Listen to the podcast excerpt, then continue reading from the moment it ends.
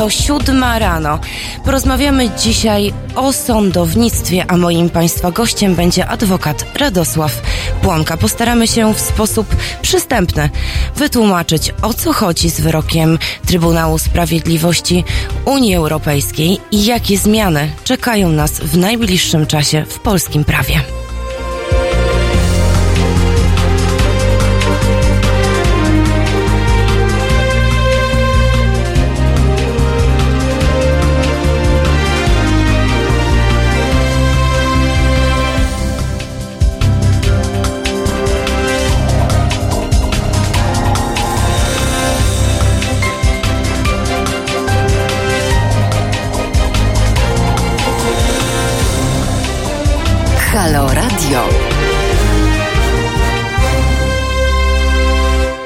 Dzień dobry. Dzień dobry. Pora bardzo wczesna, a my tak naprawdę o ciężkim temacie, bo o polskim prawie będziemy rozmawiać. Pojawił się wyrok e, Unijnego Trybunału Sprawiedliwości dotyczący polskich e, sądów i tak naprawdę Sądu Najwyższego i powołanej przez polski rząd Izby, która ma dyscyplinować sędziów. Tutaj e, pojawiają się w mediach różne opinie. Mm, Jak pan, jako adwokat, odbiera ten wyrok? Bo jednak Trybunał powiedział, że nie do końca jest to niezależny sąd.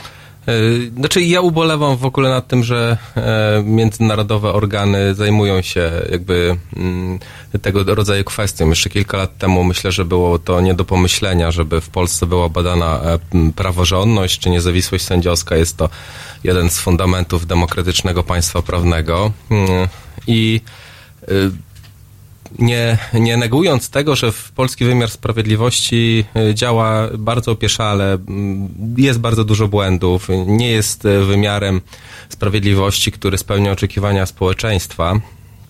Oczywiście tego nie, nie, nie, nie można zanegować, ale politycy wykorzystują ten fakt do tego, żeby e, no, zawłaszczyć w jakikolwiek sposób poprzez wpływy pośrednie, bezpośrednie właśnie wymiar sprawiedliwości, a e, pod, pod e, jakby sztandarem właśnie e, reformy wymiaru sprawiedliwości. A w mojej ocenie reformy w zupełnie innym kierunku powinny pójść. Nie wymiany naszych na waszych, czy waszych na naszych, tylko e, realnie e, e, zmiany powinny dotyczyć procedur, e, powinny dotyczyć podejścia sądu do obywatela. Obecnie obywatel w sądzie e, bardzo często jest traktowany e, przedmiotowo, e, nie jest, e, e, jego prawa nie są do końca e, respektowane.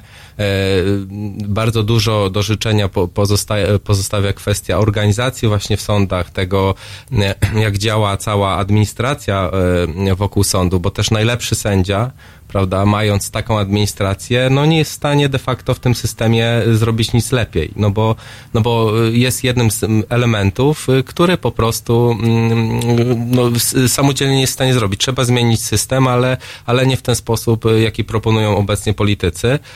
A w związku z tym, że ten sposób właśnie polega e, na tym, aby w jakiś tam, jakimś tam zakresie no, podporządkować, czy mieć wpływ większy władzy wykonawczej czy ustawodawczej na to, co się dzieje w sądownictwie, e, no po prostu y, mamy taką sytuację, że organy międzynarodowe się tym zainteresowały. E, Orzeczenie e, TSUE najnowsze jest jednym z elementów oczywiście y, jakby tej sytuacji. E, Ona trwa od jakiegoś czasu e, i to bardzo niedobrze dla Polski. Polscy politycy powinni się jak najszybciej zreflektować i e, przeprowadzić reformę wymiaru sprawiedliwości w kierunku pożądanym przez obywateli, jednocześnie bezwzględnie zachowując standardy demokratycznego państwa prawnego i tego, aby sądy były niezawisłe. I wówczas y, odczuje to każdy obywatel. Obecnych reform, e, pani redaktor, y, bywam w sądach na co dzień. E, W mojej ocenie przeciętny obywatel nie nie, nie, to są nieodczuwalne dla niego zmiany, prawda? Znaczy, e, ewentualnie odczuwa y, to, że jest jeszcze dłużej. Obecnie mm, też politycy wprowadzili bardzo szerokie zmiany w zakresie postępowania cywilnego, będzie, będą zmiany w, w postępowaniu karnym, e, które de facto właśnie znowu spowodują w mojej ocenie jakby wyalienowanie tego całego aparatu wymiaru sprawiedliwości od obywatela, bo e, wprowadzają różnego rodzaju rygoryzmy, e, formalizmy, których obywatel nie rozumie. Obywatel przychodzi do sądu po sprawiedliwość, po to, żeby znaleźć ochronę przed jakimś bezprawnym działaniem. E, natomiast e, obecnie będzie musiał grać w różnego rodzaju gry formalne, e, a jak jakby nie dostosuje się do tych reguł, no to po prostu przegra proces, mimo że ma rację. I nie może być tak, że ktoś ma rację, przegrywa proces i jakby nie ma sprawy, wszystko jest w porządku, wszystko jest zgodnie z literą prawa. No tak, prawa nie należy stanowić, bo po prostu nie buduje to zaufania obywateli do państwa. No właśnie, w tym wyroku Trybunału Sprawiedliwości Unii Europejskiej. E, pojawiło się takie zdanie, że należy jak najszybciej odbudować zaufanie polskiego obywatela do polskiego sądownictwa. Ja jestem ciekawa, co Państwo na ten temat sądzą. Mogą Państwo do nas zadzwonić pod numer telefonu 22 390 59 22 albo napisać na przykład na czacie. Wyrok jest nieodwołalny. Teraz Sąd Najwyższy zbada to, czy Izba E, dyscyplinarna jest rzeczywiście e, niezależna. To powoduje różnego typu e, jakby sprzeczności, prawda? Ludzie zaczynają się zastanawiać nad tym, czy ta izba została powołana w sposób prawidłowy, czy rzeczywiście może wydawać niezależne wyroki. Ale mnie martwi bardziej coś innego. Przecież w prawie wyraźnie jest zapisane, że Sąd Najwyższy wyroków nie może wydawać.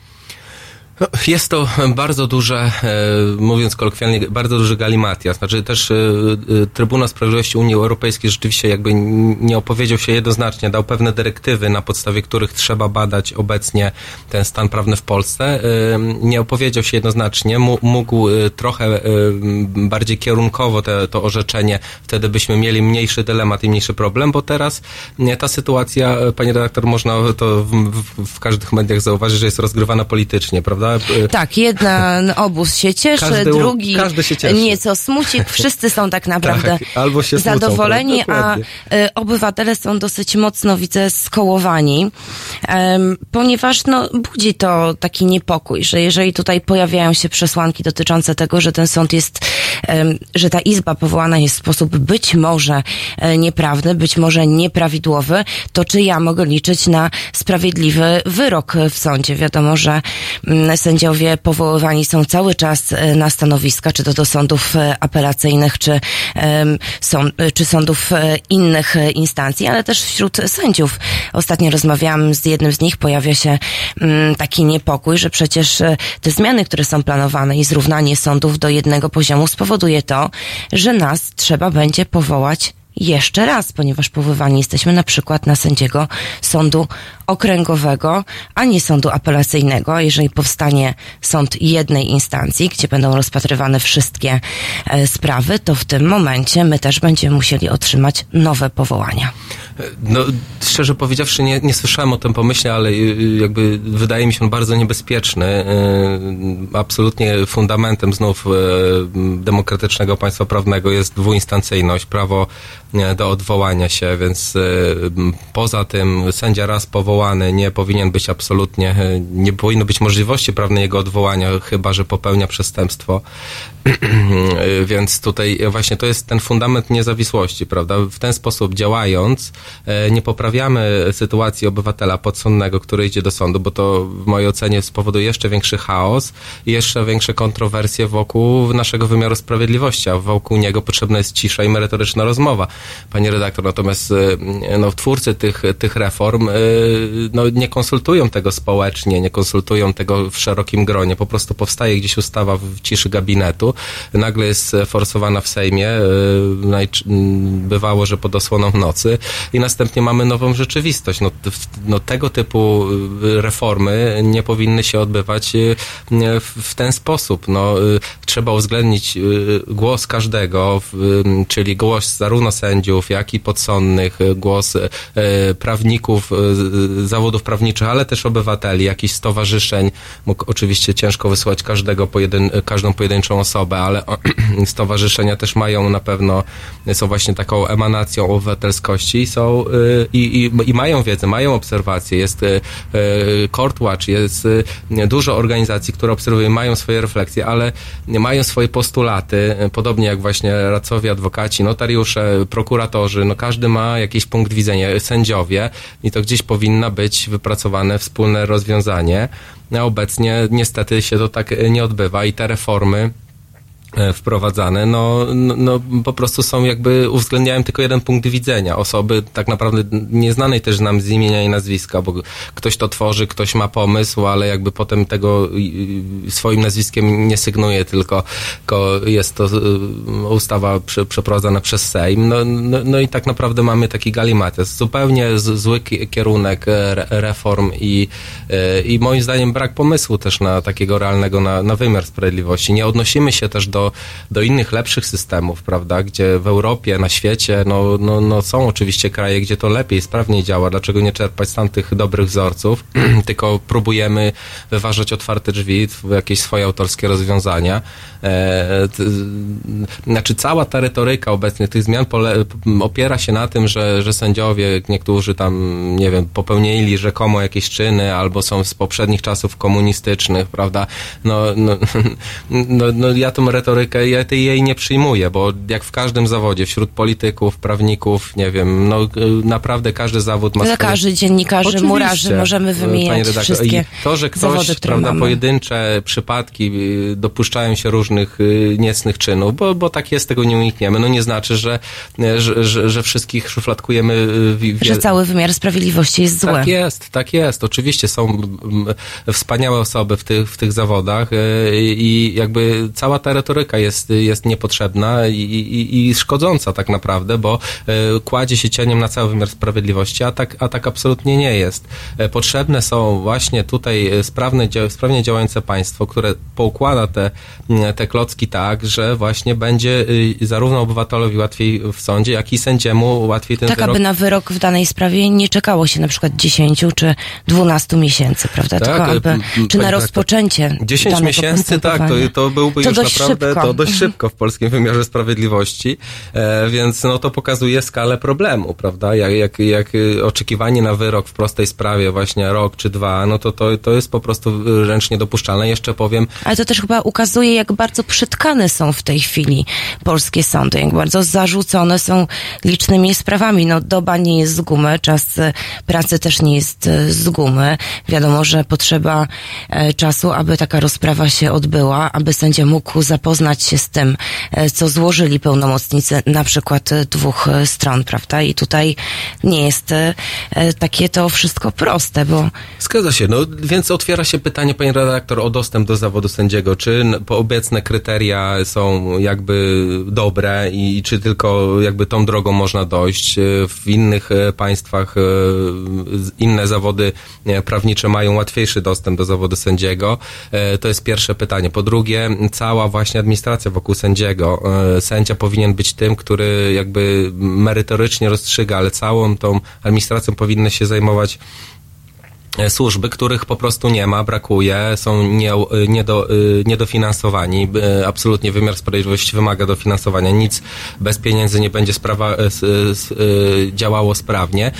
Pieniądze spowodują napływ najlepszych osób do wymiaru sprawiedliwości po prostu i nie mówię, że teraz oczywiście w kręgu zainteresowania najlepszych osób nie jest jakby praca w wymiarze sprawiedliwości, ale no, pokusa jakby przejścia gdzieś na, na komercyjnych warunkach jest bardzo duża, prawda? Więc e, tutaj to też trzeba uwzględnić. Sędzia powinien mieć kilku asystentów, e, którzy po prostu e, aktyw i to bardzo dobrych prawników z wykształceniem właśnie, którzy po prostu go wspierają w tym, tak? I, i przygotowują mu materiały, przygotowują mu także orzeczenia pod jego kontrolą i kierunkiem, prawda? To już jest bardzo duży ogrom pracy od sędziego, natomiast to jeszcze w Polsce tak do końca nie działa. Niby są to oczywiście te instytucje, no ale ale jakby to nie powoduje właśnie uspra usprawnienia. Coś tam nie działa. I najlepiej akurat w tym zakresie wydaje mi się, trzeba by posłuchać sędziów, tak jak adwokat swoją kancelarię organizuje, prawda, i jeden... Aby jak, na, jak najbardziej usprawnić pracę, prawda, żeby tak. tutaj klient nie czekał na tak. przykład na napisanie wniosku, czy do sądu 4 lata. I o tym, dlaczego są tak duże kolejki, porozmawiamy już po krótkiej przerwie. Ja tylko przypomnę nasz numer 22 390 59 22. Zapraszam do czynnego udziału w naszej audycji.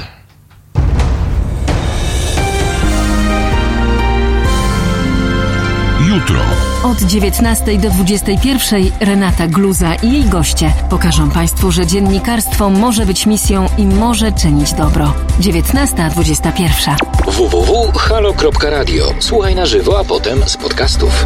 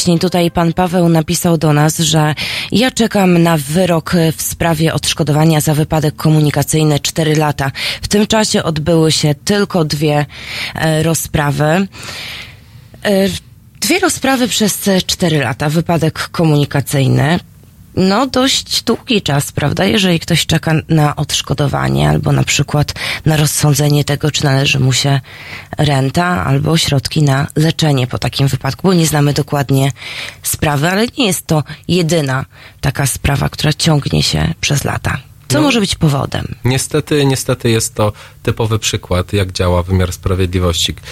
I tu właśnie to, o czym mówiłem wcześniej, czyli ten, ten zawód obywatela w stosunkach właśnie w relacjach państwo-obywatel. No tutaj y, obywatela skrzywdzono, stała się jakaś krzywda i słusz, y, pewnie oczekuje słusznej rekompensaty, tak? I to jak najszybciej, no bo e, ten uszczerbek, którego dozna, powinien być jak najszybciej przywrócony przez sprawcę, czy, czy, czy no przez kogoś odpowiedzialnego, albo powództwo oddalone po to, żeby ten pozwany E, też nie żył w takiej ciągłej niepewności. Przez cztery lata tak naprawdę nie wie, w jakim on stanie się porusza. Czy będzie musiał wysokie odszkodowanie zapłacić, czy nie, czy jest winny, czy nie.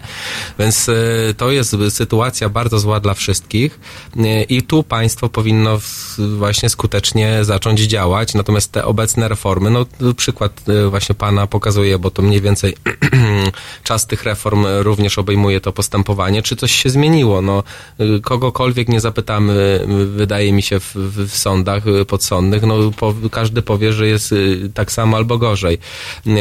Co zrobić? No, no, no, no właśnie, tutaj trzeba usiąść w szerokim gronie. Ja oczywiście nie uważam, że mam monopol na wiedzę, natomiast pewne spostrzeżenie z racji doświadczenia E, kilkuletniego już w sądach e, mam i, i pewne swoje refleksje i, i chciałbym e, również je wyartykułować. Między innymi właśnie procedury, które są bardzo sformalizowane i idziemy niestety w tym kierunku. Najnowsza reforma postępowania cywilnego wprowadza jeszcze większe rygory właśnie formalne.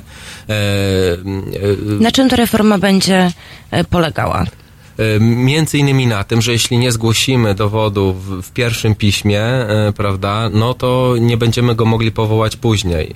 E, no, Ale przecież nie można zebrać bardzo często całego materiału dowodowego, tak to nazwijmy, rozpoczynając rozprawę, ponieważ pojawiają się nowe wątki. Tak, i wtedy pani redaktor jest ryzyko, że oczywiście jest taka przesłanka, że jeśli dowód właśnie nie mógł być powołany na wcześniejszym etapie, to sąd może go dopuścić, no ale tu zaczyna się jakby walka z, z, sądem o to, czy on dopuści ten dowód. To jest e, jakby kwestia oceny e, indywidualnego sędziego e, tej konkretnej sytuacji i bardzo często no po prostu jest tak, że, że ten dowód jest pominięty, bo ja, jako spóźniony, prawda, więc tutaj e, e,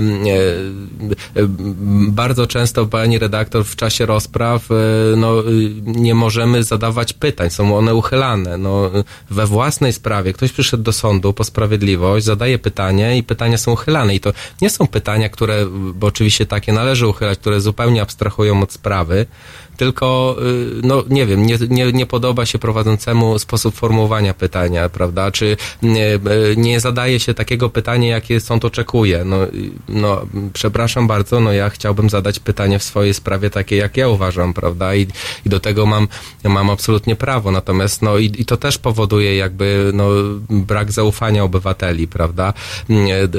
Do wymiaru sprawiedliwości.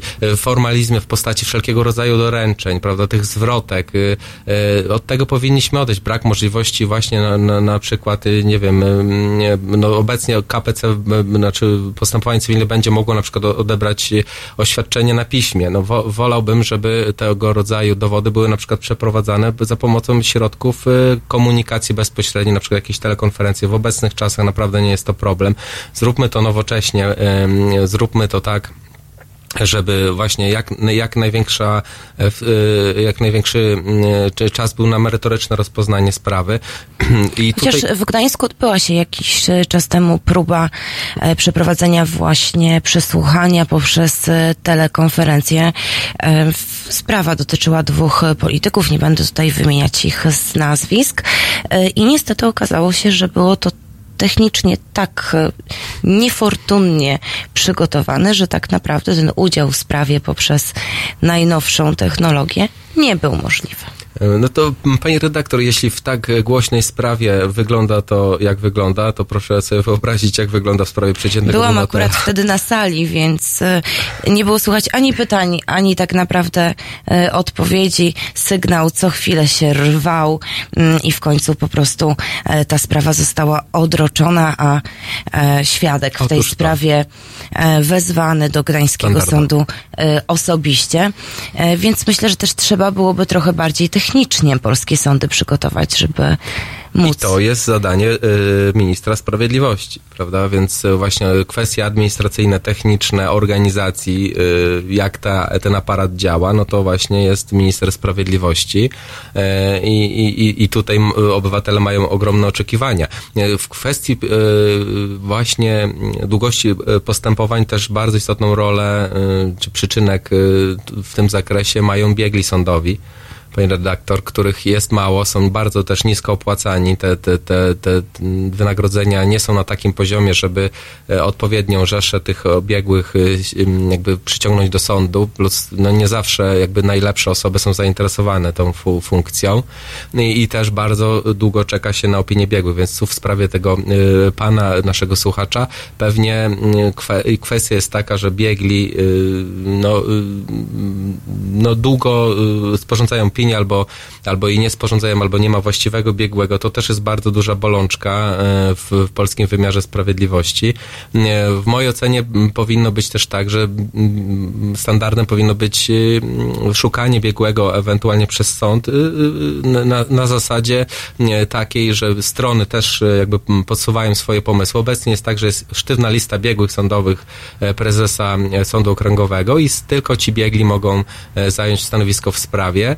E, Natomiast e, na przykład dużym ułatwieniem byłoby możliwość przywołania każdej osoby, która się zna na danej dziedzinie. Oczywiście odebranie od niego y, przyrzeczenia i tak dalej e, pod odpowiedzialnością Czyli na przykład karną. lekarza ortopedy, jeżeli to jest powiedzmy Tak e, jest, uszkodzenie nogi Dlaczego czy, nie? Który się pierwszy ręki. zgodzi, prawda? Natomiast jeśli on nie jest wpisany na listę, nie, nie ma tej procedury, no właśnie my bardzo się skupiamy na tych procedurach, na tych formalizmach. Tutaj przywołany przykład te, tego przesłuchania świadka za pomocą tych środków e, telekonferencji, no też to jest gro przepisów, które to regulują. Ja mam takie Absolutnie. wrażenie jako no, zwykły obywatel, że tak naprawdę złożenie wniosku najprostszego w sądzie, jak na przykład wniosek o e, wydanie paszportu dla dziecka, bo jeden z rodziców e, się nie zgadza, e, staje się wręcz niemożliwe bez udziału adwokata, który ten wniosek sporządzi i nawet jeżeli znajdzie się w internecie taki gotowy druk, to niestety ciężko go wypełnić, zostanie on odrzucony, bo nie spełni tych, nazwijmy to, formalnych tak. e, przesłanek, a taka sprawa się nie odbędzie. A często o tym, że zrobiliśmy coś tam e, źle, dowiemy się dopiero na przykład po czterech czy po pięciu miesiącach, w momencie, kiedy trafi to do odpowiedniej osoby do rozsądzenia, czy jest to prawidłowo e, założona sprawa, więc em, obywatele chyba teraz tak naprawdę stają się pozbawieni możliwości i w tych prostych sprawach samemu działania, prawda? Czyli osoby, których nie stać na to, żeby zapłacić te 200 zł na przykład za sam wniosek, za sporządzenie tego, napisanie tego wniosku. Bardzo dobry przykład, pani redaktor. No, to jest kwestia właśnie opłaty. No, ustawa o, o, o kosztach sądowych w sprawach cywilnych ma chyba 150 artykułów. Naprawdę yy, chylę czoła przed obywatelem, który by prze, jakby przebrnął przez tą ustawę. Prawda? My prawnicy na co dzień działający na tej ustawie mamy czasem problemy z ustaleniem, jaka będzie opłata. Sąd Najwyższy się w tym zakresie bardzo często wypowiada.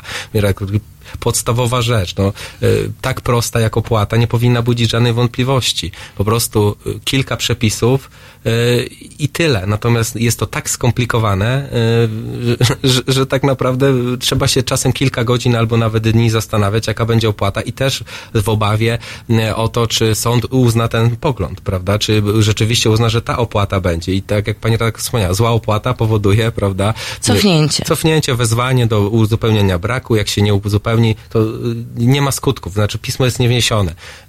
Musimy wskazać, prawda, swój e, nu- numer PESEL, e, y, jakieś teraz obecnie będą też adresy mailowe. To wszystko trzeba wiedzieć, e, prawda? Jak się tego nie wskaże, no to sprawa nie ruszy. I tak jak pani redaktor powiedziała, wnosimy pismo, za pół roku ktoś się nad tym pochyli, No i po prostu wzywa do uzupełnienia. Tracimy ten czas, być może ten zo, zo, nasz wniosek czy pozew zostanie zwrócony, musimy go składać A jeszcze gorzej się dzieje w momencie, kiedy zmienimy na przykład miejsce zamieszkania w trakcie trwającej kilka lat sprawy, bo znam takie przypadki, że pomimo poinformowania sądu e, o tym, że zmienił się adres e, zamieszkania, e, pisma nie były doręczane, a dwukrotna próba doręczenia uznana jest przecież jako skuteczna.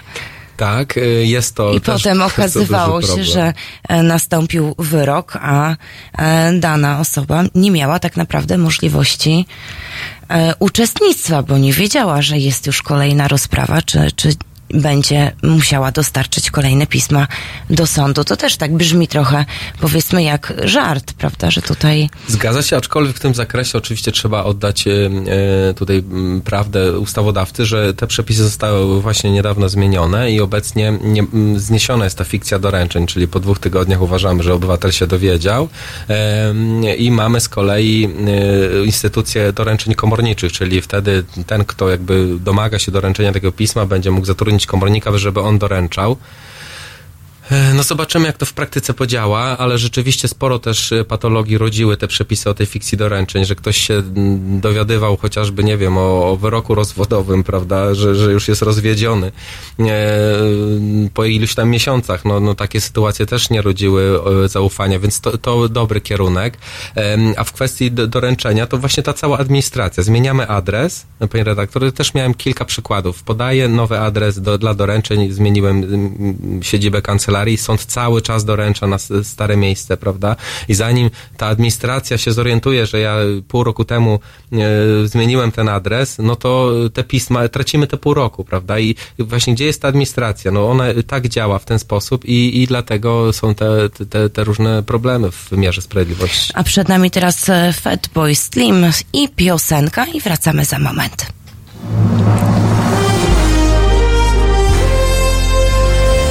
We wtorek. O poranku między siódmą a dziesiątą prawdziwy człowiek orkiestra Tomek Końca. Obudzi nawet umarłych. Siódma, dziesiąta. www.halo.radio. Słuchaj na żywo, a potem z podcastów.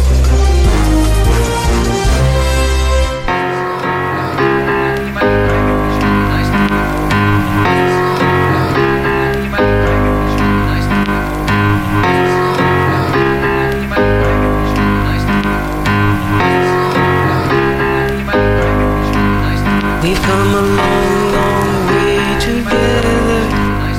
Through the hard times and the good, I have to celebrate you, baby.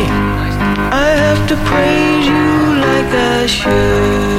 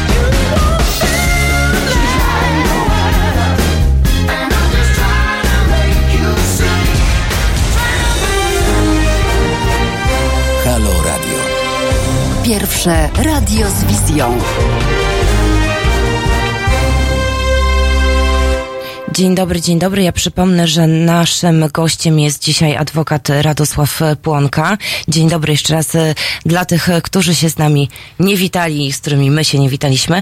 E, Zrobiliśmy troszkę dłuższą przerwę z premedytacją po to, aby prześledzić wydarzenia w Sejmie, które rozegrały się nocą i o których Państwo piszą, że na Zachodzie jakby rząd jakiś wywinął taki numer jak dziś w nocy, to byłyby walki uliczne i wcześniejsze wybory, a my ludzie mamy przestrzegać e, prawa teraz. Oczywiście mm, tutaj pan Robert napisał również o tym, że artykuł 4 Konstytucji punkt drugi był e, złamany. Mm, Pojawiają się e, głosy takie, że wódka drożeje, więc będą na ulicach zamieszki, ale pan Paweł pisze, że teraz dopiero się zacznie tak naprawdę w polskim sądownictwie i Powiedzmy, co wydarzyło się w tym sądzie. Anulowane zostało głosowanie mm, nad kolejnymi członkami Krajowej Rady Sądownictwa. E, To głosowanie zostało anulowane przez panią e, marszałek, bo podobno nowi posłowie mieli problem z e, prawidłowym głosowaniem. Jednak tutaj, jak podaje RMF, pojawiały się takie głosy z sali, że trzeba to głosowanie anulować, bo je przegramy. Mm, Powiem szczerze, że nie śledziłam tych wydarzeń sejmowych e, nocnych, e, więc tutaj na szybko e, przygotowałam się do tego tematu. Opozycja żąda pilnych wyjaśnień dotyczących tego, co zdarzyło się i dlaczego to głosowanie zostało anulowane przez marszałek Witek. I zgłasza sprawę do e, prokuratury. Tutaj w przerwie e, rozmawialiśmy o tym. Zgłoszenie tego do prokuratury, e, no, zamieszanie dosyć duże, prawda, jeśli chodzi o, o takie coś. Przed chwilą mówiliśmy też o tym, że właśnie te ustawy często dotyczące zmiany prawa są głosowane w nocy, kiedy tak naprawdę zwykły obywatel nie może się nad nimi pochylić, bo na ogół śpi i odpoczywa. No właśnie, nie, roz, nie rozumiem tego, co się dzieje. Naprawdę nie rozumiem, bo mając większość w Sejmie, no jakby wszystko jest jasne. No, tutaj nie powinno być wątpliwości. Nie wiem po co głosowanie w Sejmie, nie wiem po co to zamieszanie, zwłaszcza w tak ważnej kwestii jak wybór członku, K- członków KRS-u. Do tego zamieszanie z, z tak zwanym anulowaniem głosowania. No, t, t, ten tryb budzi poważne wątpliwości. No tutaj na pewno opozycja zadba, żeby zostały sprowadzone przez stosowne służby, natomiast no, jeśli chodzi o prokuraturę, no to y, właśnie no, prokuratorem generalnym jest y, pan Zbigniew Ziobro, więc tutaj to też trzeba mieć na uwadze. E, tylko cały ten styl budzi bardzo poważne e, kontrowersje. E, no, dlaczego tak się dzieje? No, jesteśmy demokratycznym państwem prawa, wszystko powinno być jawne i transparentne. W szczególności jeśli dokonujemy takich, czy Sejm dokonuje takich ważnych wyborów, e, bo KRS y, jest bardzo istotnym ciałem konstytucyjnym. Mm, No, jestem, jestem wręcz zszokowany, dlaczego tak się dzieje, bo nie, nie widzę tutaj żadnej potrzeby. Tu powinna być pełna transparentność, powinno być y, przedstawienie kandydatur, wyjaśnienie dlaczego. Każdy ma prawo zagłosować według swojego sumienia, uznania. Jeśli taka jest większość w Sejmie, tak wybrał naród, suweren, trzeba to respektować absolutnie.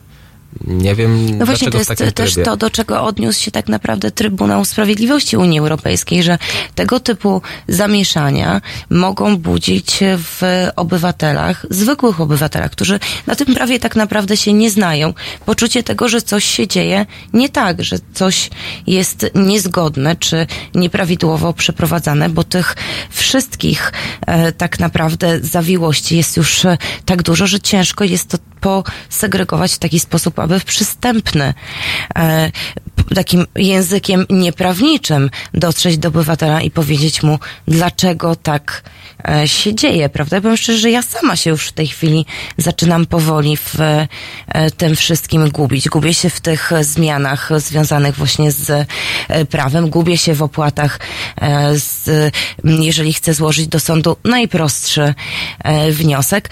Nie jestem w stanie tak naprawdę w sądzie otrzymać odpowiedzi, który znaczek zakupić. No jest kiosk, e, w którym można to zrobić e, bez udziału mm, biura, tak to nazwijmy, ale no niestety nie wiadomo, który klawisz wybrać, bo wcześniej było, mam wrażenie, to wszystko takie bardzo proste, a teraz no komplikacja na każdym kroku. No, komplikujemy sobie rzeczywistość, to na pewno, panie redaktor. Tu jest szerszy problem też e, z bardzo szerokiego ustawodawstwa. Znaczy tego prawa powstaje tyle mm, rok do roku, y, z dnia na dzień, z miesiąca na miesiąc, że naprawdę już tego nikt nie jest w stanie kontrolować. W sensie jedna osoba, e, bardzo szerokie zmiany mm, rewolucyjne w kierunku właśnie takich formalizmów, y, co nie służy obywatelom. Po prostu y, przeregulowanie gospodarki powoduje różnego rodzaju absurdy, powoduje ucieczkę w szarą strefę, powoduje mm, to, że obywatel nawet uczciwy, no, może popaść w konflikt z prawem, co jest po prostu nie do pomyślenia, tak? Działający w dobrej wierze, mający dobre intencje, prowadzący swój biznes obywatel powinien być chroniony przez państwo, a nie e, powinien wpadać w pułapki nastawiane, ustawiane przez państwo, prawda? Bo tutaj no, właśnie przychodząc na sferę jakby prze, prze, przedsiębiorców jest tyle zmian, panie redaktor, że naprawdę każda firma tak naprawdę w tym momencie powinna za, zatrudnić profesjonalnego doradcę w zakresie tak zwanego compliance, no bo w zakresie podatków, w zakresie e, w, szczególności, prawda, y, w, zakresie różnych rejestrów, beneficjentów rzeczywistych, e, e, pracowniczych planów kapitałowych, właśnie podziały płatności, e, no, kwestie przelewów gotówkowych, niegotówkowych, to jest po prostu tak skomplikowana materia i tego jest tyle, że, że, że przeciętny obywatel naprawdę nie jest tego w stanie sam przyswoić. E, Do tego dochodzą te perturbacje właśnie związane z, jakby z, z, z kwestiami KRS-u, e, Sądu Najwyższego. Z Izbą Dyscyplinarną. Izbą dyscyplinarną, tak. Tutaj y, wydaje mi się, że przeciętny obywatel też, no, znaczy po pierwsze ży, żyje swoim życiem na co dzień, prawda? E, po drugie, naprawdę już trzeba być bardzo czujnym, żeby w tym wszystkim się nie pogubić, bo, bo tych zmian było, był Trybunał Konstytucyjny wcześniej, potem właśnie Sąd Najwyższy, Krajowa Rada Sądownictwa. Te sprawy się jakby cały czas toczą, są otwarte. E, no i jakby nie ma pomysłu na wyjście z Czy wkraczamy sytuacji. w taką rzeczywistość, że bez osobistej reprezentacji prawnej nie będziemy w stanie egzystować w polskich realiach? Bo ja mam takie wrażenie, że w tej chwili e, przestajemy mieć e, taką możliwość, żeby być w stanie pojąć te najprostsze e, prawne rzeczy, żeby móc reprezentować sam siebie, tylko że prawnik staje się w naszym życiu tak naprawdę już niezbędny. No, kto y, działa jakby rozsądnie, czy, czy, czy bardzo jest przy, przezorną osobą, na pewno, na pewno tak. Y, No, zmusza do tego ustawodawstwo. Y, Pewnie część osób powie ku uciesze właśnie jakby adwokatury, czy, czy radców prawnych. Natomiast ja uważam, że nie o to chodzi, prawda? Znaczy prawnik powinien być w kwestiach istotnych, służyć obywatelowi, pomagać, natomiast to w tego typu formalizmach po prostu, znaczy to też nie jest jakby na, nie, nie, nie po to, wydaje mi się, większość z nas y, kończyło te trudne studia, aplikacje, zdawało trudne egzaminy, żeby teraz właśnie głowić się nad wysokością opłaty. No, e, tu bardziej chodzi o zasady, właśnie praworządność, sprawiedliwość i, i o to, żeby właśnie winny został ukarany, a nie winny y, uniewinniony, a, a nie, prawda, w tego typu formalizmy, czy, czy, czy ja podam mm, w wykazie załączników wszystkie załączniki, prawda, i tak dalej, no tutaj no, wchodzimy w takiego rodzaju e, właśnie gry mm, mimo woli. No, Ale często też stosowało się e, taką metodę e, na przykład przy sprawach rozwodowych, że nie podawało się wszystkich e, jakby wniosków dowodowych, tylko część podawało się dopiero na sprawie po to, aby druga strona nie była po części w stanie przygotować się do tego, prawda? Więc tutaj też e, w niektórych sprawach ważny był ten element e, zaskoczenia, bo na przykład jeżeli ktoś chce się z kimś rozwieść, bo e, ma dowody na to, że jest zdradzany i chce osądzić winę po stronie osoby, która zdradza i tak ten wyrok sądowy ukierunkować i zbierał ten materiał dowodowy, no to przecież od razu tego, że tak powiem, kawa na ławę nie wywalał, prawda? Tylko y, powoływał danych e, świadków i, i co teraz będzie? Bo jeżeli zmieni się to, czyli taki później wniosek może nie być dopuszczony? Tak, absolutnie. Znaczy obecna procedura nie, nie, nie, jakby nie, uwzględnia tego typu sytuacji i y, twardo stanowi, że trzeba wszystkie dowody pod rygorem pominięcia zgłosić w pierwszym piśmie, w sprawach rozwodowych również, e, ze stratą właśnie dla procesu, dla wymiaru sprawiedliwości w mojej ocenie, bo e, taka osoba, która właśnie e, no, nie jest zaskoczona pe- pewnego rodzaju dowodami, no może się do tego przygotować, może z, z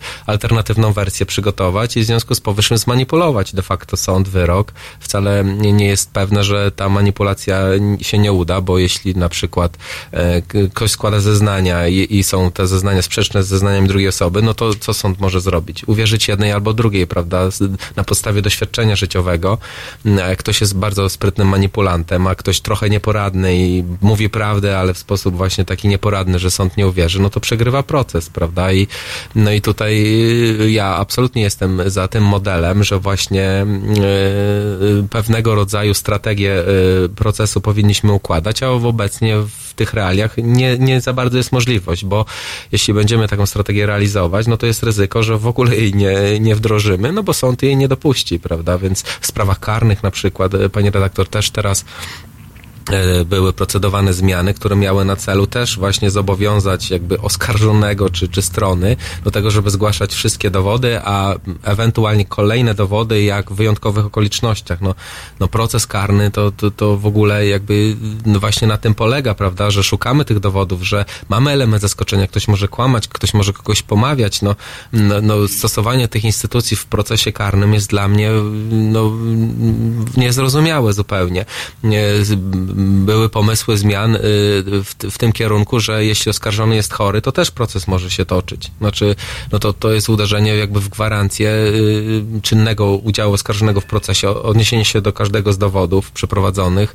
Y, Jeśli jest chory, to jest chory. Mamy instytucje przecież lekarzy sądowych. Y, Wcześniej było tak, że pierwszy lekarz y, pierwszego kontaktu mógł zaświadczenie wydać i na tej podstawie rozprawa się nie odbywała, no ale teraz są lekarze sądowi, więc no nie, nie można tu mówić o jakiejś manipulacji, no e, w przypadku lekarzy sądowych, bo przecież to państwo jakby mm, jest gwarantem tego, że, że ci ludzie są odpowiednio też e, e, rzetelni, a i tak się nie wierzy, prawda, i tak no mimo tego będzie można proces prowadzić karny, no, no moim zdaniem bardzo niedobry Tak, ale kierunek. taka osoba, powiedzmy, oskarżona, w tym momencie odbiera jej się prawo do tego, aby się broniła. Przecież może być tak naprawdę niewinna. I oczywiście bywają takie przypadki, bo nie zawsze patrzymy przez pryzmat prawa karnego na to, że ktoś zrobił coś złego, prawda, i, i jakby należy go ukarać. I to y, oczywiście pełna zgoda. Natomiast e, w tym całym systemie pojawiają się pomyłki, pojawiają się różne przypadki, e, gdzie e, właśnie obywatel musi być chroniony przez państwo, czy oskarżony, czy, czy właśnie o, o to chodzi, żeby ten cały proces odbył się rzetelnie i osobę winną skazać, a niewinną uniewinnić. Natomiast tego typu, wdrażanie tego typu rozwiązań no, powoduje uszczerbek dla, dla, dla tej zasady, ponieważ no właśnie ktoś nieporadny nie zgłosi tych dowodów, nie będzie miał pełnomocnika czy obrońcy, e, w związku z powyższym właśnie zostanie uznany winnym, bo tu oczywiście nie ma sentymentu. A na taką reprezentację prawną może go być po prostu nie stać, prawda? Zgadza się, aczkolwiek też pani redaktor, szczerze trzeba powiedzieć, że obecnie też te ceny usług prawnych naprawdę nie, nie, nie są e, tak wysokie jak kiedyś, e, więc wydaje mi się, że jesteśmy w stanie znaleźć pomoc prawną tak naprawdę w, każdym zakresie. E, Jest kwestia tylko pewnie pewnej aktywności w tym, e, w tym względzie. Proszę Państwa, to teraz chwila oddechu. Sparks, piosenka, tak? Tutaj nasza realizatorka cudowna zapisała mi tytuł. Posłuchajmy.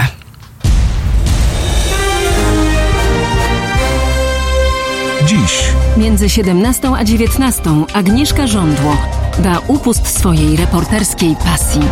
17-19. www.halo.radio. Słuchaj na żywo, a potem z podcastów.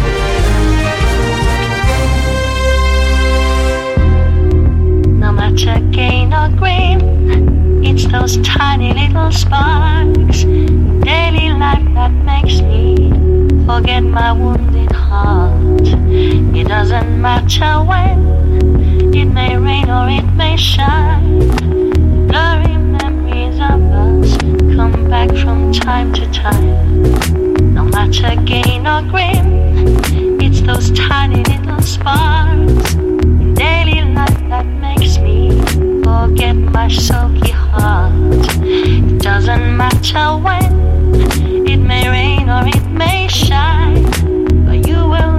always be here, stored inside my mind.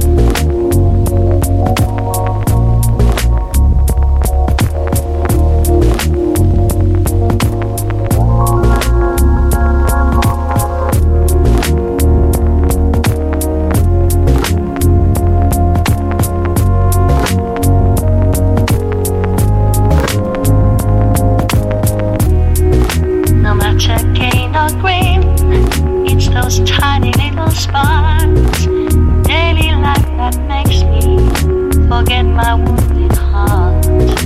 It doesn't matter when, it may rain or it may shine. Blurry memories of us come back from time to time. No matter gain or gain, it's those tiny little sparks in daily life that makes me forget my sulky heart. It doesn't matter when, it may rain or it may shine, but you will always be here, stored inside my mind.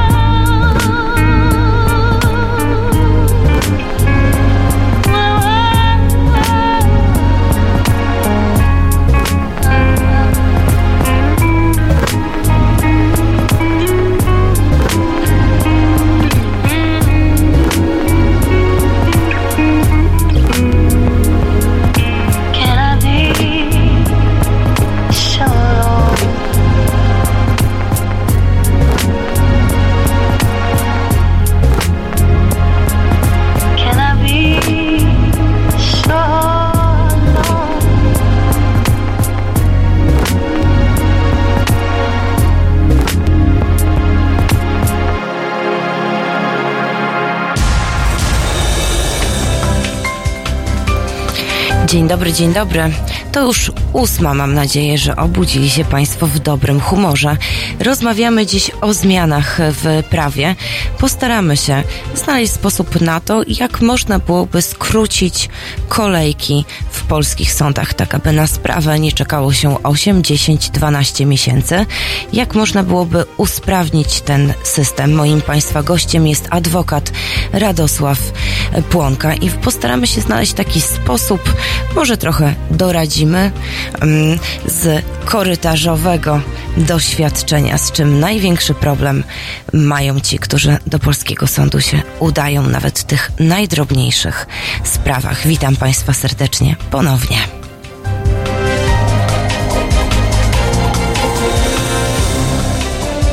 Halo Radio.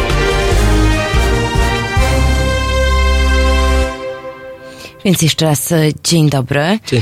Z korytarzowego doświadczenia ta administracja jest tak bardzo rozbudowana, że na rozpoczęcie zwykłej sprawy czeka się czasami 10 miesięcy, a to i tak jest krótko, e, patrząc na to, że nawet dwa lata można sobie w takiej kolejce poczekać.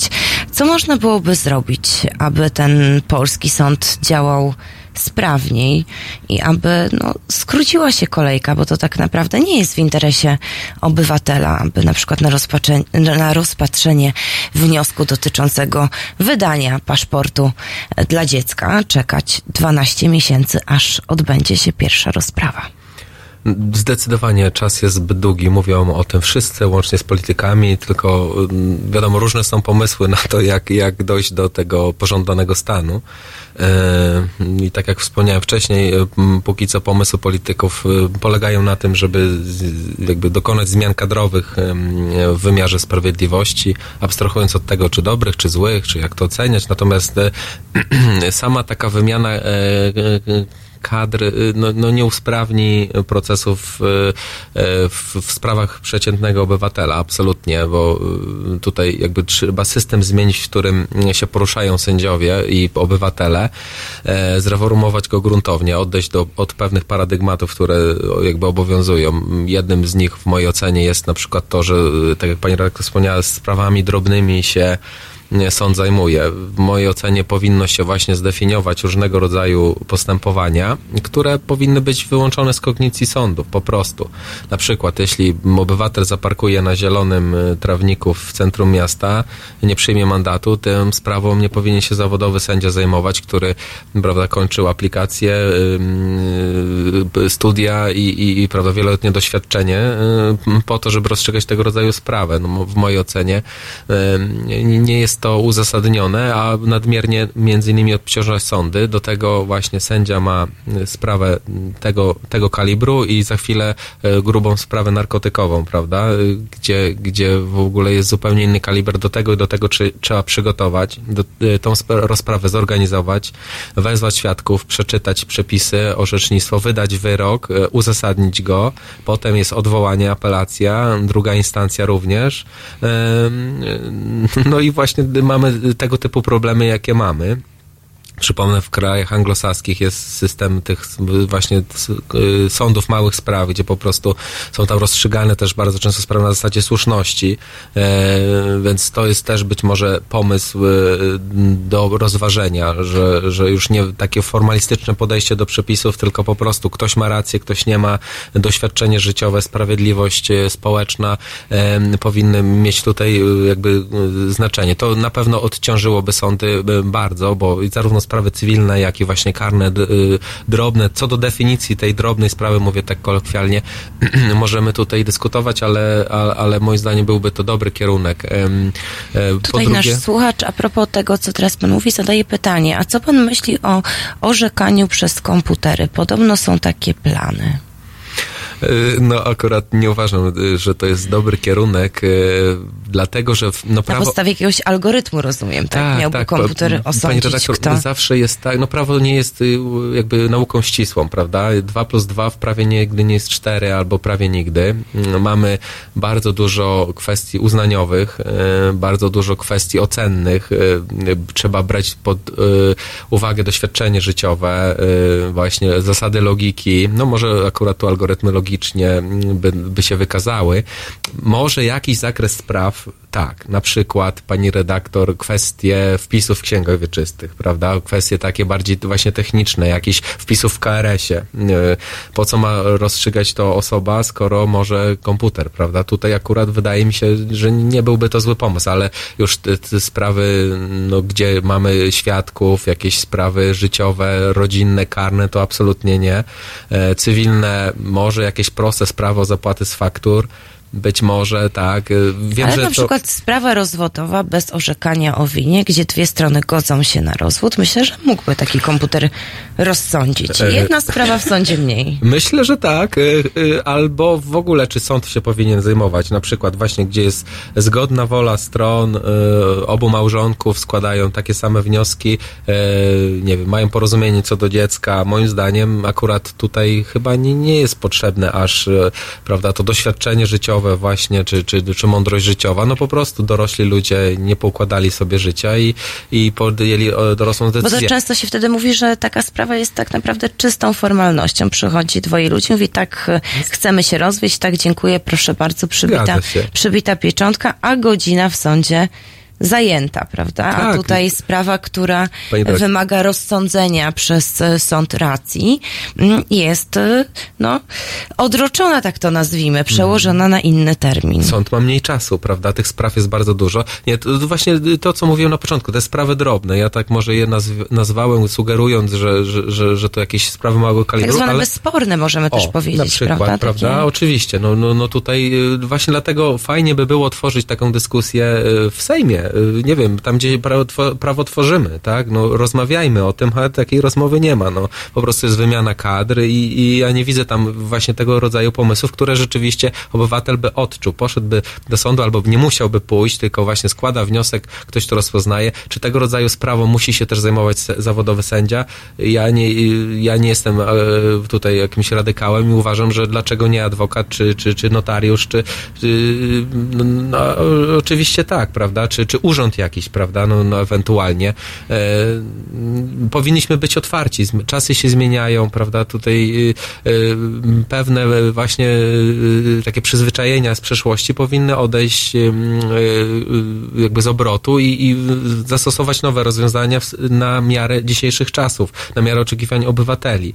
E, I właśnie prawnik, żeby był angażowany do spraw trudnych, gdzie właśnie jest kwestia e, e, przesłuchań świadków, e, e, procesu i tak dalej, a nie w tego rodzaju sprawie właśnie na przykład o rozwód, gdzie bez orzekania o winie, gdzie, no ale właśnie czy obywatel przej, przejdzie te formalizmy, to jest pytanie, prawda? Czy skutecznie złoży ten pozew i wtedy musi już y, pójść do prawnika i to też jakby no, no nie jest do, dobre rozwiązanie.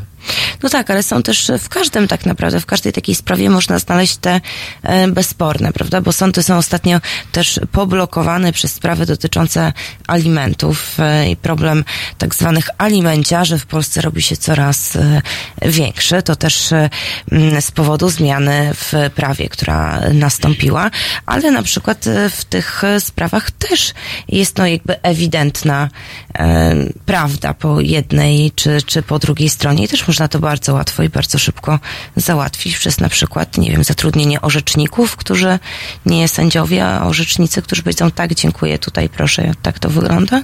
Tutaj, e, pani redaktor, jest pewien element ocenny, mianowicie możliwości e, zarobkowe e, osoby zobowiązanej do alimentacji, najczęściej jest to ojciec, i też uzasadnionych potrzeb dziecka. Czyli to są takie elementy. No ale na przykład jak rodzice się godzą na daną kwotę, bo się umówili obydwoje i obydwoje mają, przychodzą z takim samym wnioskiem, no to przecież nie ma tutaj sporności. Jasno, to, to Po takie co sprawy, oceniać, tak? czy uzasadniona ta kwota, czy za duża, czy za mała, nie ma Yy, to Jasne, sensu. jeśli nie ma sporów, oczywiście, ale można to też, yy, mówiąc yy, kolokwialnie, załatwić u notariusza, prawda, tego rodzaju kwestie, więc nie trzeba składać wniosku do sądu, żeby sąd jakby yy, zatwierdził dom ugodę de facto w zakresie alimentów, którą... No właśnie, o czym nie każdy wie, że można to załatwić przez notariusza, bo jest wiele takich spraw, których tak naprawdę nie trzeba kierować e, do sądu, a wystarczy spotkać się U notariusza, a notariusza. nawet pani redaktor tu chyba nie ma wymogu formy notarialnej, więc tak naprawdę y, zwykła kartka papieru podpisana nie, też będzie wiążąca. Oczywiście potem jest kwestia egzekucji, gdy ten zobowiązany się będzie uchylał, no to na pewno akt notarialny z poddaniem się egzekucji wprost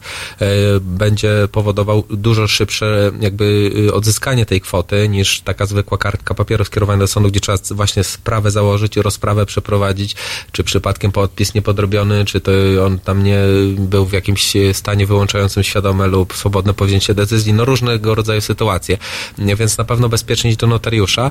E, oczywiście, no dlatego powinniśmy dokonać takiego przeglądu z praktykami z jednej i z drugiej strony ym, stołu sędziowskiego, e, bo sędziowie też absolutnie tu ich doświadczenie jest nie do przecenienia, tak? Oni widzą, po prostu na żywym organizmie pracują i mają tych spraw najwięcej, dużo więcej niż właśnie, nie powiedzmy pełnomocnicy najczęściej, no bo, no bo tych spraw w sądach polskich jest bardzo dużo, więc tutaj na pewno e, mieliby bardzo dużo do, do powiedzenia, co, na, na czym trzeba by się pochylić, tak? Właśnie, żeby usprawnić ten system. Więc wyselekcjonować te sprawy, e, moim zdaniem, e, to by też pozwoliło, pani redaktor, uprościć procedurę. No bo jeśli mamy właśnie tych spraw mniej, no to w tych y, ciężkich sprawach niepotrzebne są te formalizmy, tylko wtedy je możemy naprawdę rozstrzygać o to, żeby dojść do prawdy. A obecnie, no, bardzo często prawda zostaje przed drzwiami sali sądowej, a to mówię, to nie jest też jakby zarzut do sędziów absolutnie, bo taką mają procedurę, więc takie jest, są przepisy, więc sędzia przede wszystkim musi być zgodny z literą prawa. E, Więc tutaj e, filozofia jest e, zła od początku, która generuje te przepisy, a następnie jest to wszystko wdrażane już w, w, w sądach. To jest jeden aspekt. Drugi, zwiększenie, to o czym mówiłem, kadr w sądach, dofinansowanie. Moim zdaniem też zwiększenie ilości sędziów przy tego, tej ilości spraw. Dyskusja powinna być otwarta na temat dojścia do zawodu sędziego. Dlaczego osoby z innych zawodów prawniczych no, nie mają łatwej drogi do, do przejścia, a moim zdaniem no, kwalifikacjami no, nie ustępują mm, sędziom, zwłaszcza mając jakieś już doświadczenie zawodowe. Więc no, powinniśmy na ten temat dyskutować, prawda? A nie, a, a nie na temat tego, prawda, że politycy powołują y, kogoś do KRS-u, bo, bo, bo to nie ma bezpośredniego y, przełożenia y, na y, przeciętne sprawy. Oczywiście to jest bardzo ważna kwestia y, wyboru sędziów do KRS-u, tylko jakby rozmawiamy nie na tych torach, na których powinniśmy. Tam to powinno być jakby kwestią bezsporną, y, w ogóle y, jakby y, no, Nie budzącą nie budzącą wątpliwości. wątpliwości, tak, i rozmawiamy teraz, mamy niezawisłych sędziów i, i rozmawiajmy teraz o, o tym, jak im ułatwić życie. Jak i, pomóc obywatelowi. O, I obywatelowi, tak. Proszę Musimy Państwa, sobie- a jakie pomysły Wy macie na reformę polskiego sądownictwa, tak aby sąd służył obywatelowi, a nie obywatel gubił się w meandrach prawa? Zapraszam, 22 390 59 22.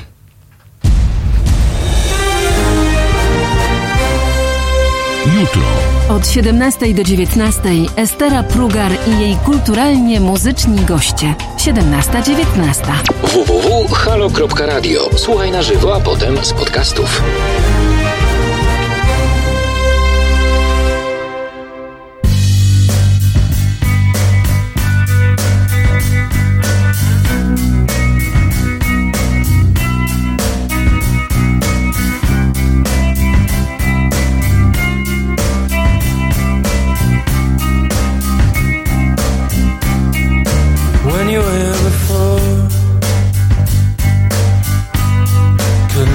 In the eye.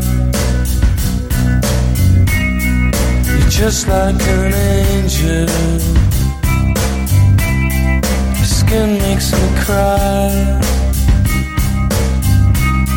You float like a feather in a beautiful world. I wish I was special. So fucking special. But I'm a creep.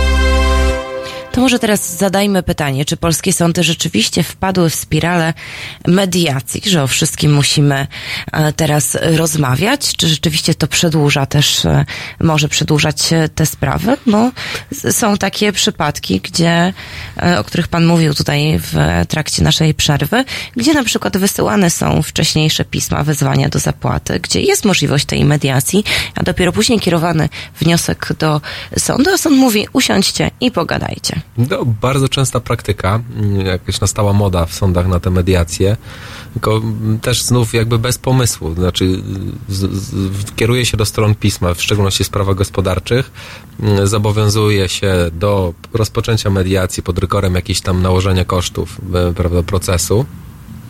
No i mamy mediować. Ktoś nie zapłacił mi faktury, e, zakładając na 100 tysięcy złotych. Ja wcześniej wysłałem dwa pisma, miał tą fakturę, no i trafia, trwały do sądu, chcę szybko odzyskać pieniądze, od tego muszę zapłacić podatek, prawda? E, Potrzebuję tych pieniędzy, żeby Bo zapłacić. nawet jak nie dostanę tych pieniędzy, to muszę zapłacić podatek, Tak. bo to jest niestety też częste, że firmy e, upadają z tego powodu, że kontrahenci nie płacą Tak. swoich e, zobowiązań i bo podatek trzeba zapłacić, Tak. nawet jeżeli się fizycznie tych, e, tej kasy na konto za wykonanie na przykład usługi nie dostało, prawda? Tak, I są tutaj- pewne wyłączenia, pani redaktor, ale co do zasady tak. Natomiast no właśnie, no i jakby jest e, jesteśmy zobowiązani do tego, żeby usiąść e, do stołu, e, zapłacić za mediatora, prawda? A jeśli no, nie, to nie nastąpi, to będziemy źle odebrani, prawda? Albo jakieś tam koszty nam grożą z tego tytułu. No też moim zdaniem nie do końca, znaczy bezrefleksyjne wysyłanie do wszystkich, czy, czy, czy, czy do, te, w tego typu sprawach pism z wezwaniem do, do zasiedzenia do stołu, no jest, jest też moim zdaniem błędem, bo to właśnie przedłuża sprawę. E, Z tych spotkań mediacyjnych, pani redaktor, z mojego doświadczenia wynika, że niewiele wynika albo nic, tylko koszty. E, No bo jak ktoś kogoś e, skrzywdził, właśnie sprawa jest ewidentna, no to nie ma na, na, na, na czym mediować, po prostu trzeba zapłacić i, i, i, nie ma dyskusji.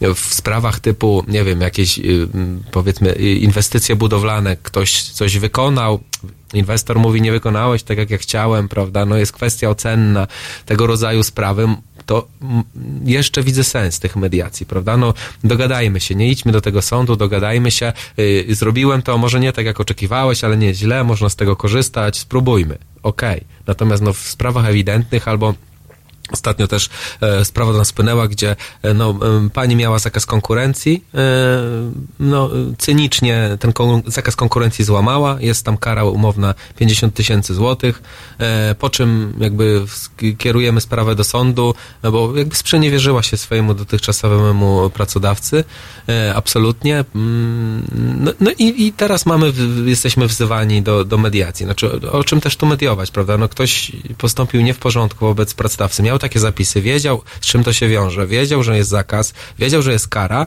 no i teraz my Znał mamy... konsekwencje, Tak. dokonał wyboru. Tak, i pani redaktor, pierwsze pytanie jakby drugiej strony, co proponujecie? Znaczy, no, no przepraszam, no my coś źle zrobiliśmy, czy druga strona, prawda? Co my mamy proponować? No my proponujemy zapłatę kary i, i że tak powiem, podanie sobie ręki, prawda? No, e, i, i, I potem też sąd wzywa, jakie były, prawda, ustalenia, co się stało. E, zupełnie e, zbędne ruchy, które po prostu właśnie prowadzą też do przewlekłości, do o czym e, ro- rozmawialiśmy, aczkolwiek no jest taka teraz presja na, na, na, na mediację, bo, bo właśnie ministerstwo uznało, że jest to dobry kierunek? No pewnie tak, ale nie w każdych sprawach, nie bezrefleksyjnie, bo w niektórych naprawdę y, jest to rozsądne rozwiązanie, ale w niektórych y, naprawdę nie ma racji, racjonalnych podstaw, żeby skierować strony, zwłaszcza w jakimś ostrym czy konflikcie, czy pokrzywdzeniu, czy w sprawach ewidentnych właśnie o zapłaty faktury. No tutaj nie ma o czym dyskutować. A czy są jakieś e, takie przepisy prawne, jak na przykład, nie wiem, w przypadku sprawy o e, odszkodowanie, takiej, o której pisał tutaj wcześniej e, nasz e, słuchacz. W, chodzi o odszkodowanie za wypadek komunikacyjny. W ciągu w przeciągu czterech lat odbyły się tylko dwie sprawy, zakładając taką hipotezę, że na przykład pan walczy o to, aby uzyskać odszkodowanie na przykład na rehabilitację. Czy jest jakaś możliwość, aby taką sprawę przyspieszyć? Czy nie ma Znaczy, obywatel med- realnego wpływu? Me- mediacje byłyby, wydaje mi się, ewentualnie dobrym rozwiązaniem, ale tu napotykamy na opór ze strony mm, ubezpieczycieli. Oni nie chcą mm, najczęściej mediować, bardzo rzadko, nie chcą e, prób ugodowych. e, e, Po prostu to jest zimna kalkulacja, prawda? to jest biznes, im się to musi kalkulować w Excelu i, i po prostu wiedzą, że sprawa się wygra, przegra, znają mniej więcej linię orzeczniczą, w jakich sprawach, jakiego rodzaju zadośćuczynienie i mo, można to wszystko wykalkulować, e, więc, e, ale tu akurat by się na przykład przy- y, byłyby uzasadnione takie mediacje. Jak to przyspieszyć? Y, No, no, wydaje mi się, że tu przede wszystkim te właśnie instytucja bi- biegłych sądowych, tak, czyli to zreformować w ten sposób, żeby było ich więcej, żeby można było ich dobierać ad hoc, żeby byli dobrze wynagradzani, żeby chcieli się podejmować tej pracy, żeby oni byli zainteresowani tymi sprawami, żeby oni chodzili za tymi sprawami, prawda? Tak jak pracownik szuka pracodawcy, tak po prostu potencjalny biegły powinien szukać pracy w sądzie, a, a nie zawsze tak jest, bo te wynagrodzenia to są trudne tematy, a wynagrodzenie nie jest nie, dla każdego atrakcyjne. Stąd tego rodzaju dylematy. Więc y, tu akurat w tego rodzaju sprawach wydaje mi się, że właśnie głównie biegli, być może jakieś, jakieś administracyjne kwestie, ale, ale po prostu też bardzo ciężko nieraz o opinię biegłego. E, Biegli mają terminy półroczne, roczne. Dzwoniąc dzisiaj do biegłego, y, nawet no, możemy się łatwo przekonać, jakie mają terminy. To, to czerwiec, lipiec, po prostu mówią, że realnie są w stanie złożyć opinię, a i tak bardzo często ten termin potem ulega przesunięciu, bo jest taki napływ spraw, a biegły otrzymując e, od sądu e, zobowiązanie do sporządzenia opinii musi to, to zrobić, prawda? I, i też i wielokrotnie jest tak, że e, ma wpłynąć opinia biegłego na termin rozprawy, idziemy na rozprawę, okazuje się, że opinii nie ma, nie wpłynęła, w związku z tym jest odroczenie, kolejny termin, prawda? No I znów musimy czekać, i znów musimy będzie... czekać, tak. Potem właśnie jest ta opinia, są zastrzeżenia do opinii, biegły jest zwany na rozprawę i to tak się przeciąga. Niestety, być może e, tutaj też m, jakimś pomysłem byłoby też te telekonferencje, prawda, plus m, też ba, bardzo często jest tak, że składamy jakieś pismo z daleko idącej ostrożności, to też jakby kamyczek do ogródka, jeśli chodzi o drugą stronę sołu sędziowskiego, czyli pełnomocników, prawda, ale ta przezorność, tak zwana ostrożność procesowa też jest y, podyktowana tym, że właśnie wiemy, że jak czegoś nie zrobimy, to sąd to jakby może wykorzystać, prawda, więc jakby z piszemy maksymalnie dużo w pierwszym piśmie, żeby, prawda, potem móc coś ewentualnie wykorzystać. I, no ale to jest spowodowane tymi procedurami, że właśnie no, nie ma tej naturalnej jakby przepływu, tylko e, jest sztuczne napompowanie, bo trzeba podnieść wszystko, żeby przypadkiem czegoś nie stracić, więc e, wymyśla się różnego rodzaju konstrukcje, prawda, żeby, e, żeby przypadkiem nie przegrać, więc to też na pewno i powoduje, że na przykład pisma są bardzo długie, sąd też musi się z tym zapoznać. I no, ja też nad tym ubolewam, powinny być krótkie, konkretne pisma, a tego nie ma, bo pełnomocnicy się boją, że jak napiszą za krótko, potem nie będą mogli czegoś powołać, więc piszą maksymalnie y, szeroko. Czasami prawda? jest to nawet kilkanaście stron, prawda? O, Taki... Bardzo często, tak. Wręcz teraz standardem, pani redaktor, no bo mamy komputery, możemy, prawda, bardzo dużo tekstu zmieścić na jednej stronie. Mamy programy prawnicze, nie trzeba tego ręcznie przepisywać, tylko po prostu się kopiuje. Więc no tej lektury sąd ma bardzo dużo, ale to jest też właśnie y, y, wynikiem tych procedur, bo gdyby procedura była inna, to ktoś nie musiałby pisać o wszystkim, tylko by pisał pisa konkretnie, no, a jak musi napisać wszystko pod rygorem pominięcia, no to pisze wszystko, prawda? No i, no i to jest takie właśnie y, y, błędne koło, prawda? Cały czas w tym, w tym się kręcimy i z tego trzeba wyjść. Z tego trzeba wyjść właśnie zrobić tak, żeby było naturalnie, normalnie, żeby mm, w pismo można było złożyć w normalnym czasie, kiedy jest potrzeba i napisać to, o czym jest potrzeba, prawda? E, ale do tego jest potrzebna jakby zmiana filozofii w ogóle e, tych całych procedur sądowych, bo w szczególności w, właśnie w cywilnym postępowaniu, bo tu idziemy w drugim kierunku, czyli właśnie tych formalizmów, że wszystko trzeba powołać pod rygorem pominięcia,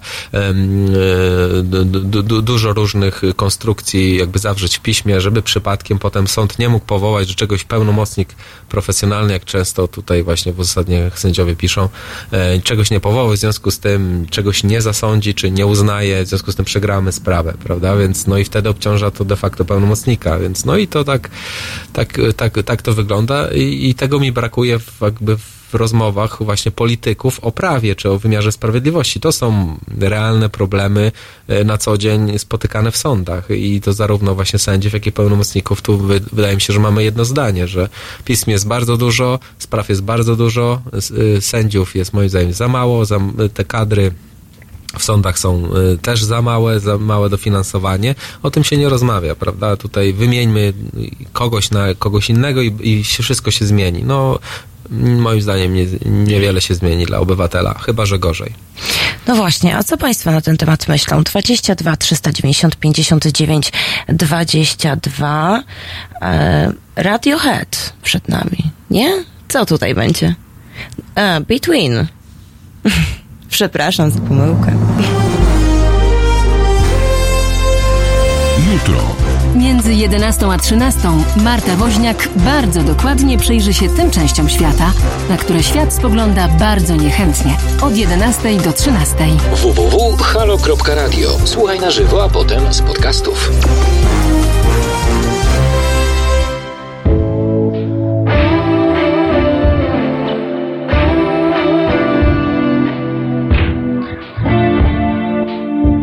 My tongue is sealed within my mouth. These certain words they can't come out. These thoughts are walking on their own, dancing around with no control. I know what I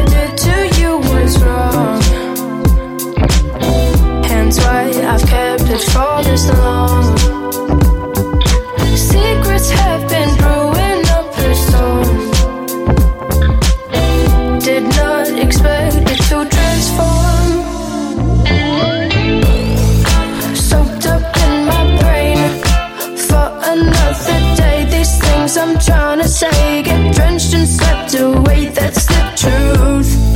Soaked up in my brain. Don't know what to say. Something about you, boy. You soak up half my brain. You should do.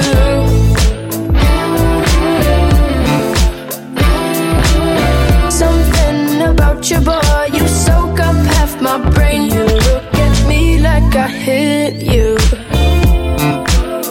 Stole all your things and left you bruised. Look what I've got myself into. My words are stuck, my body too.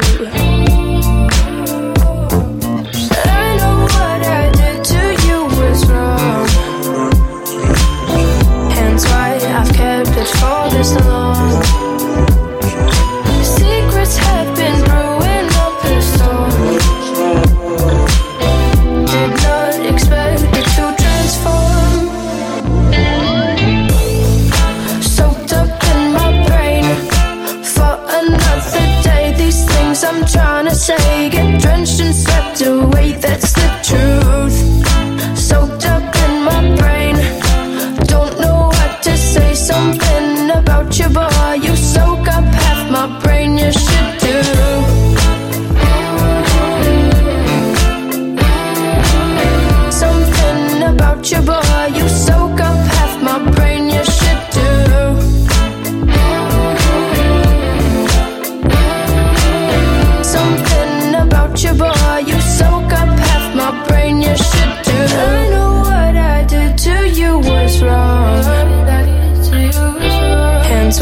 I've kept it for this long. Secrets have been brewing up a storm. Did not expect it to transform. Soaked up in my brain for another day. These things I'm trying to say get drenched and swept away. That's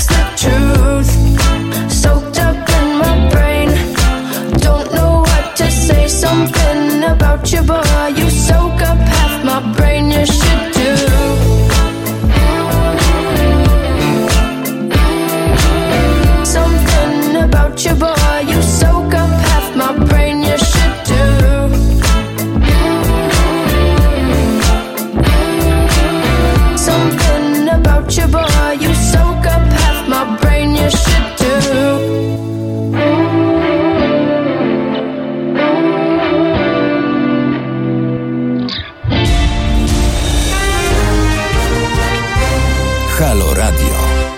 Dzień dobry, dzień dobry.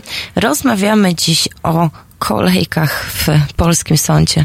No tak, dostajemy karteczki z wezwaniami. Można to przyrównać do kolejek w sklepach, tak żartobliwie. Już 8.30, chwilę po 8.30. E, Elutek pisze do nas, że zna kilku biegłych w różnych dziedzinach, którzy nie narzekają ani na pracę, ani na e, swoją garzę, że problem stanowi jedynie obszar działania jednego e, biegłego. Ze mną jest adwokat Radosław Płonka. Mówił pan o tym, że w tej chwili ujednolicone są tak naprawdę te stawki i że biegły w Warszawie, czy w Gdańsku, czy w Szczecinie, czy w jakiejś mniejszej miejscowości e, dostaje dokładnie taką samą stawkę i że to też może budzić e, właśnie takie zastrzeżenia, że tych biegłych mamy tak mało, a e, te opinie pojawiają się często z dużym opóźnieniem, co blokuje sprawy w sądzie. Jasne, natomiast odnosząc się, panie rektor, tu do pytania y, czy tezy słuchacza, to pytanie też należy zadać, jak to y, czują się w tych realiach podsądni, którzy właśnie jakby z udziałem tych biegłych mają sprawę w sądzie, czy też są tak zadowoleni, prawda, bo tutaj rozmawialiśmy z punktu głównie widzenia obywatela, E, więc być może pojedynczy, e, pojedyncze osoby będące biegłymi też oczywiście zależy od kręgu sądu, są zadowolone e, z pracy, natomiast problem, ja mówiłem o problemie systemowym, czyli e, takim, który jakby dotyczy ogółu i e, no, należałoby to zmienić, bo w, innych sprawach no, nie wygląda to tak, tak różowo. Stawki też są moim zdaniem problemem, to jednolicenie, aczkolwiek tu no, jest pewien problem faktyczny, jak to wtedy zróżnicować, prawda? Ktoś w Warszawie na pewno te koszty są dużo wyższe, gdzieś tam w Polsce e, w powiatowej, no pewnie standard życia, czy koszty życia są, są niższe i teraz pytanie, czy jesteśmy jakoś to w stanie zaprogramować, żeby, żeby rzeczywiście to było dostosowane do, do realiów życia. Chy- Chyba będzie ciężko, natomiast ogólnie biegły powinien... Bo, by, ka- bo by dużo osób mogło czuć się niesprawiedliwie Tak. potraktowane, prawda? Tak, bo tutaj, tak, tutaj- niby ta sama sprawa, I też a polityk, y, podobna, a niższe wynagrodzenie. Na, natomiast no, je, jest to pewien problem na przykład w Warszawie, czyli w tych większych ośrodkach, gdzie powiedzmy właśnie e, tego typu wynagrodzenie no, jest e, adekwatne do pracy. W, mniejszych ośrodkach w Warszawie już niekoniecznie, prawda, gdzie no, też jest olbrzymi rynek pracy. Ten biegły może sobie znaleźć zatrudnienie alternatywne za, za wyższe pieniądze, prawda, gdzie indziej i do tego nie będzie miał groźby e, kary grzywny, jak nie, nie, nie sporządzi opinii w, w czasie, prawda, i tych stresów, bo też dla biegłego pójście na rozprawę i, i no, odpowiadanie na pytanie pełnomocników bardzo często nie jest przyjemne i to i, i, i, różnie bywa z atmosferą na, na sali sądowej, tam się rozstrzyga istotne życiowo kwestie ludzkie i, i, i, i no, na, na pewno zawsze ten biegły jest też atakowany, prawda? No bo ktoś otrzymał opinię niekorzystną dla siebie i chce ją zwalczyć, więc no jakby siłą rzeczy, naturą rzeczy jest tak, że, że więc to nie bardzo trudna funkcja w ogóle.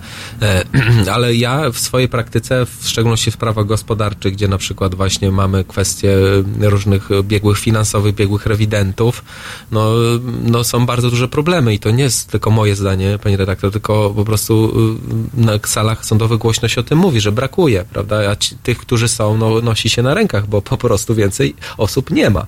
I standardem jest półroczne czekanie na opinię w prostej sprawie, y, prawda, y, biegłego y, z zakresu na przykład rachunkowości czy finansów. No to są realia no, tutaj u nas w Warszawie na, na Czerniakowskiej, także no, reforma instytucji biegłego też na pewno by się przyczyniła do przyspieszenia. Mówił pan, że w tej chwili będzie ciężki czas też dla e, przedsiębiorców, bo szykują się dla nich e, zmiany w prawie, że mówił pan o sprawach tych też podatkowych, których ci mali, drobni przedsiębiorcy mogą mieć e, duże problemy. E, jakie to mają być zmiany?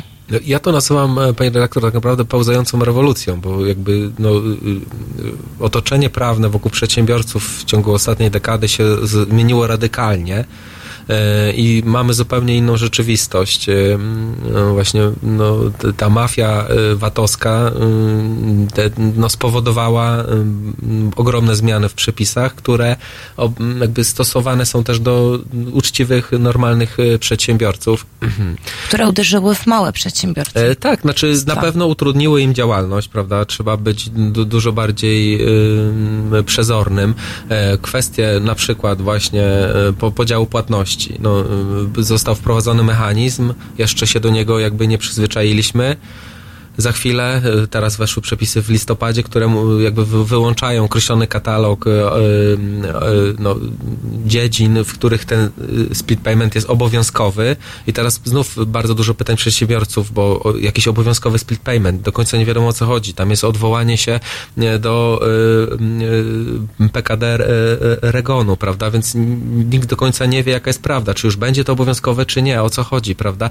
Jest mnóstwo pytań. E, Odwrócony VAT. Wcześniej, prawda, stosowano na przykład w branży bu- budowlanej. Teraz e, zrobiono split payment obowiązkowy w branży budowlanej. Nie ma tego odwróconego VAT-u. Em, Jest właśnie ba- bardzo dużo zmian. Kwestia o- opłat y, faktur na rachunki bankowe. Pan Maciej do nas napisał, że w sądzie gospodarczym przeważnie orzeka jeden sędzia, który nie zna się na przykład na VAT i to jest okej? Takie zadał tutaj pytanie do nas słuchacz. Czy rzeczywiście tak jest, że... W- jeśli chodzi o, no kwestia jakiego rodzaju sprawa, czy podatkowa, no to wówczas idzie to y, do sądów administracyjnych, wojewódzki sąd administracyjny lub naczelny sąd. Natomiast w kwestiach y, jakby spraw gospodarczych, tak rozumianych cywilistycznie, rzeczywiście w składzie jednego sędziego i no jeśli tam są jakieś kwestie VAT-owskie, y, wynikają jakby z roszczeń cywilnych, no to właśnie po to jest ten biegły, żeby ewentualnie y, to wyliczyć na przykład, chociaż na prawie oczywiście sąd się musi znać. Jeśli chodzi o skład i, i poszerzenie, no, no tu chyba, nie wiem, nie byłbym za tym, y, chyba że w jakichś mocno skomplikowanych rzeczywiście sprawach, e, no bo to też powoduje jakby obciążenie sędziów, prawda? A wydaje mi się, że sędzia jest w stanie rozstrzygnąć naprawdę każdą sprawę opartą na przepisach, bo jakby, no, jest w tym bardzo długo i ma olbrzymie doświadczenie, wie jak czytać te przepisy, tylko najczęściej brakuje czasu po prostu, y, żeby wejść tak maksymalnie w sprawę, a przy, przy tym właśnie, że strony składają też bardzo duże pisma, bardzo dużo wniosków i tak dalej, no przez to wszystko przebrnąć, no potrzeba czasu i no i to są takie właśnie dylematy co, codzienne w sądach, prawda? Jak to wszystko zrobić, żeby wyrok był sprawiedliwy, żeby to wszystko przeczytać, żeby, żeby się z tym zapoznać. Do tego właśnie ciągłe zmiany w prawie, w przepisach, w procedurach też na pewno nie ułatwiają, pani redaktor, no bo No właśnie, bo chciałam zadać kolejne pytanie. Jak taki mały, drobny przedsiębiorca, powiedzmy zarząd jednoosobowy, ja prowadzę swoją własną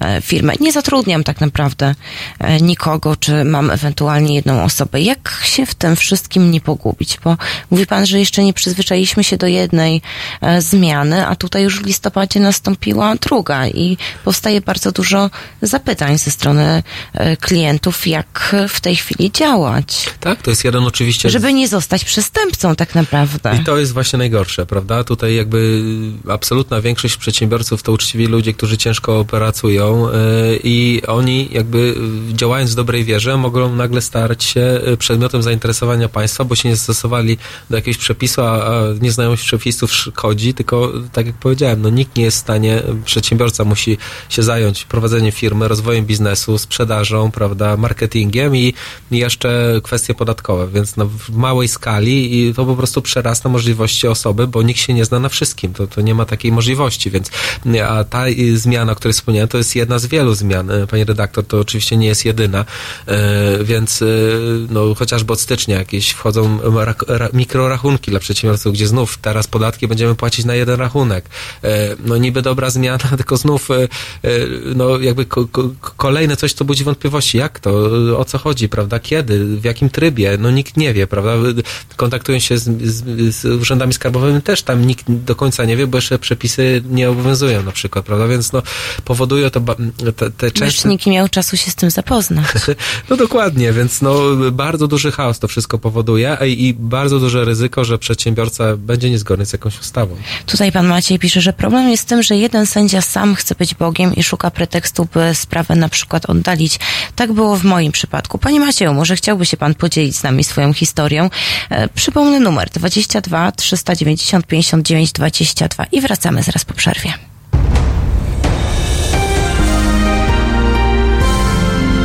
We wtorek. Między 19 a 21 reżyser i aktywista obywatelski Bart Staszewski oraz cała gama tematów pod hasłem Prawa osób LGBT.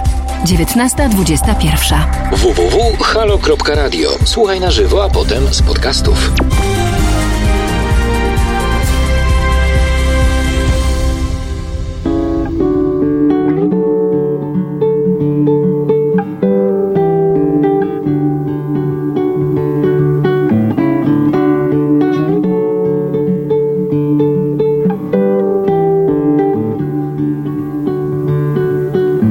It's time to put myself away. Seek out a little silence. Close the doors and sit a while. And walk a little. And as I put my words away,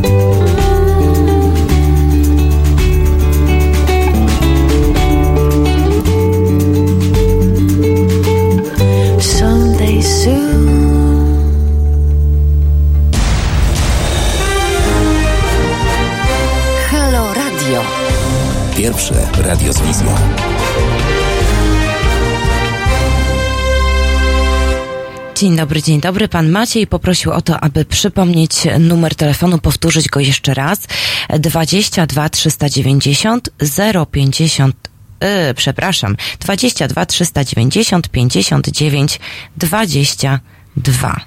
Więc może jeszcze raz, bo namieszałam. 22 390 59 22. Zapraszam serdecznie do podzielenia się z nami swoją historią, bo pisze pan tutaj, że w razie czego przedsiębiorca powinien być zarówno radcą prawnym, jak i swoim e, adwokatem. Lutek zwraca uwagę na to, że sędziowie mają fizycznie tak dużo spraw, że nie są w stanie z nimi zapoznać się wcześniej, że bardzo często doczytują akta sprawy e, na rozprawach i to na głos, czytając je e, po łebkach. Mm, No właśnie, tych wniosków tak naprawdę dowodowych. Te akta spraw zazwyczaj są e, tak bardzo obszerne, bo tak jak tutaj pan powiedział, e, prawnicy już dmuchają na zimne i chcą jak najwięcej zawrzeć w tym pierwszym piśmie, po to, aby nie doszło do czegoś takiego jak pominięcie, czy na przykład później niedopuszczenie e, danego wniosku dowodowego. Może wprowadzić taki system, jak na przykład. O, mamy telefon, to połączymy się z naszym słuchaczem. Dzień dobry, dzień dobry, witam serdecznie. E, Dzień dobry, Maciej się kłania. Dzień dobry. E, Proszę Pani, moja, moja sprawa wyglądała w ten sposób. 10 lat temu założyłem z moim amerykańskim wspólnikiem spółkę co zostałem po prostu no, wysadzony w kosmos, że, że tak powiem. E, odbyły się dwie sprawy sądowe. W sprawie sądowej, której Sędzina chciała zająć się moją sprawą i chciała wysłuchać merytorycznych, znaczy chciało jej się, po prostu trafiłem, w jednej sprawie trafiłem na sędzinę, która chciała rozwikłać sprawę, która była bardzo skomplikowana, a w drugiej sprawie trafi- trafiłem, trafiłem na sędzię, który, który po prostu nie chciał. Nie chciał brać się po prostu za skomplikowaną sprawę, VAT-owską sprawę, e, no bardzo skomplikowane VAT-owskie oszustwo po prostu i po prostu no, znalazł, znalazł sprawę, znalazł po prostu pretekst, żeby tą sprawę oddalić, a e, skoro oddalił tą sprawę, ja nie miałem ani jednego słowa, e, no jednego słowa nie mogłem wytłumaczyć, po co, gdzie leży problem, gdzie leży e, meritum sprawy i tak dalej, ponieważ sędzia oddalił sprawę, przegra, sprawa została przegrana, poniosłem wielkie koszta, no, no mo- mogę powiedzieć, że ta sprawa zmieniła absolutnie moje życie. Mhm. Czyli został tak- pan tak- tak tak pozbawiony możliwości e, przedstawienia swojej racji, tak? Absolutnie. Absolutnie pozbawiony możliwości e, interpretacji czegokolwiek. Ze względu na oddalenie sprawy. I niechęć po prostu sędziego zajęcia się tym, no bo, bo widział, e, widział e, jak stopień skomplikowania tego. Mhm. I ma pan takie wrażenie, że e, jeśli dobrze rozumiem, że widząc e, jak bardzo jest skomplikowana ta sprawa, to sędzia postanowił ją oddalić e, po Tak to, aby Dokładnie tak. się nią nie Dokładnie tak. zajmować. Czyli o to Dokładnie panu. tak. Także to panu- moje, moje zdanie Mhm. o sądach, wie pani, jest e, no, jak najgorsze po prostu. A wie pani, to jednoosobowe orze, orzecznictwo to jest po prostu dramat. To jest po prostu dramat. Bo sędzia orzeka po prostu, no, sędzia orzeka to, co chce i nie ma żadnej możliwości, nikt nie będzie dyskutował na ten temat, co on orzekł. Tak Mhm. jest i koniec. A co w takim wypadku mogłoby e, pana zdaniem się zmienić, tak aby pan odzyskał zaufanie do polskiego sądownictwa? E, proszę Pani, no co by mogło pomóc? E, to e, gdyby było, e, gdyby sprawy były po prostu normalnie przyjmowane, bo wie Pani, no to tu wiele było aspektów takich e, zadziwiających mojej sprawie, a przede wszystkim to jednoosobowe orzecznictwo, brak ławników i, i tak dalej. Bo jeden sędzia po prostu może zrobić co chce, a gdyby było sędzia plus dwóch ławników, no to, to, to jest inaczej. No, no, trzy, trzy osoby to nie jedna, każdy ma swoje zdanie. I każdy, ktoś z ławników mógłby coś, coś powiedzieć, co by się sędziemu czy podobało, czy nie podobało, wyrazić swoje zdanie. Mhm. Dziękuję serdecznie za telefon. Pomimo wszystko Dziękuję. życzę panu miłego e, dnia. No właśnie, tutaj nasz słuchacz powiedział, że stracił zaufanie do sądu ze względu na przegraną sprawę, bo odniósł takie wrażenie, że sędzia nie chciał zajmować się e, jego sprawą, bo była zbyt bardzo skomplikowana i że to jednoosobowe orzecznictwo tak naprawdę na to wpłynęło. Pewnie takich, e, takich osób i takich głosów jest, przypuszczam, więcej w e, skali naszego kraju. Czy rzeczywiście jakby przy takich bardziej skomplikowanych sprawach gospodarczych.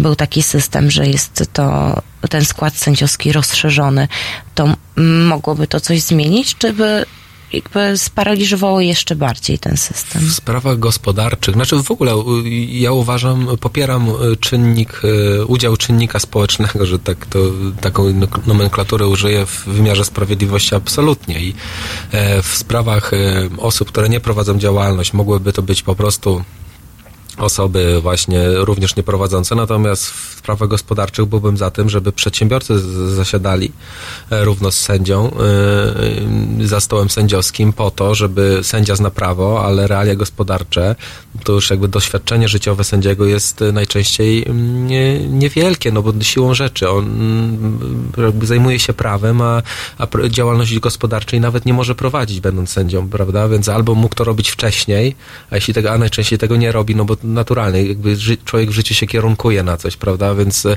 bardzo rzadkie przypadki, że sędzia... Tak, poza tym studia są tak pochłaniające, że Absolutnie, nie ma takiej studia, aplikacja... aplikacja możliwości, prawda? Bo to wiele lat nauki. Dokładnie, dokładnie, więc no tutaj absolutnie udział właśnie na przykład przedsiębiorcy w, w tego typu sprawach byłby, jest absolutnie wskazany.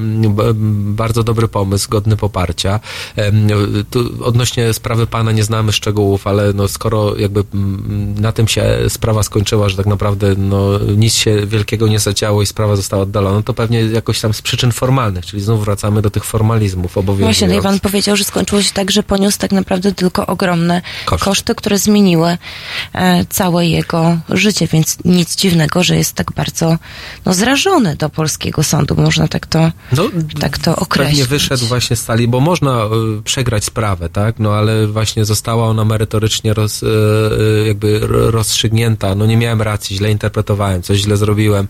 E, rozsądny człowiek przyjmie tą jakby krytykę i porażkę i wyciągnie z tego wnioski na, na przyszłość. E, natomiast najgorsza jest sytuacja właśnie y, porażki takiej formalnej. Znaczy coś się wydarzyło, czegoś tam nie, złożyłem, nie dopełniłem, czegoś nie mogę potem powołać, nie mogę zadać pytania. No to obywatel mówi zaraz, jak to przecież, no ja tu przyszedłem w swojej sprawie.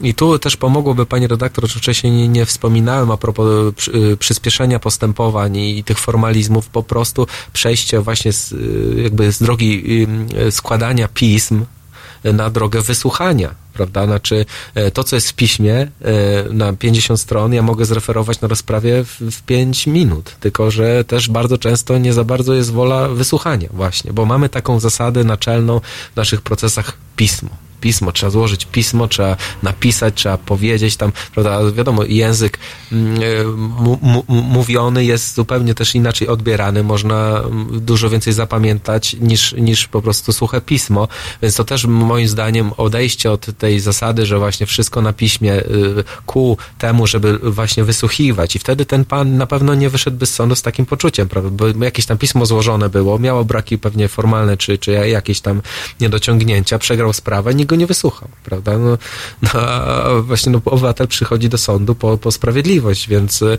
yy, i tak się w, w, tych systemach anglosaskich, prawda, tam raczej nie, nie ma składania aż tak tylu pism, tylko raczej jest wysłuchanie, są te mowy i to, to akurat ja jestem zwolennikiem tego po prostu. No właśnie tutaj Pan Karol do nas napisał, więc co trzeba byłoby zmienić? Sędziów, prawo, biurokratyczną obudowę procesu sądowego, a może wszystko y, naraz. Y, pojawia się też y, taki głos, który mówi o tym, że wynagrodzenia dla ławników są po prostu śmieszne mm, i to też należałoby jak najszybciej zmienić. My oczywiście o tym porozmawiamy już za chwilę.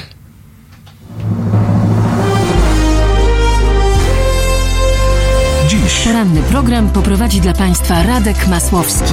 Aktualne tematy i Wasze komentarze. Halo Poranek od 7 do 10. www.halo.radio. Słuchaj na żywo, a potem z podcastów.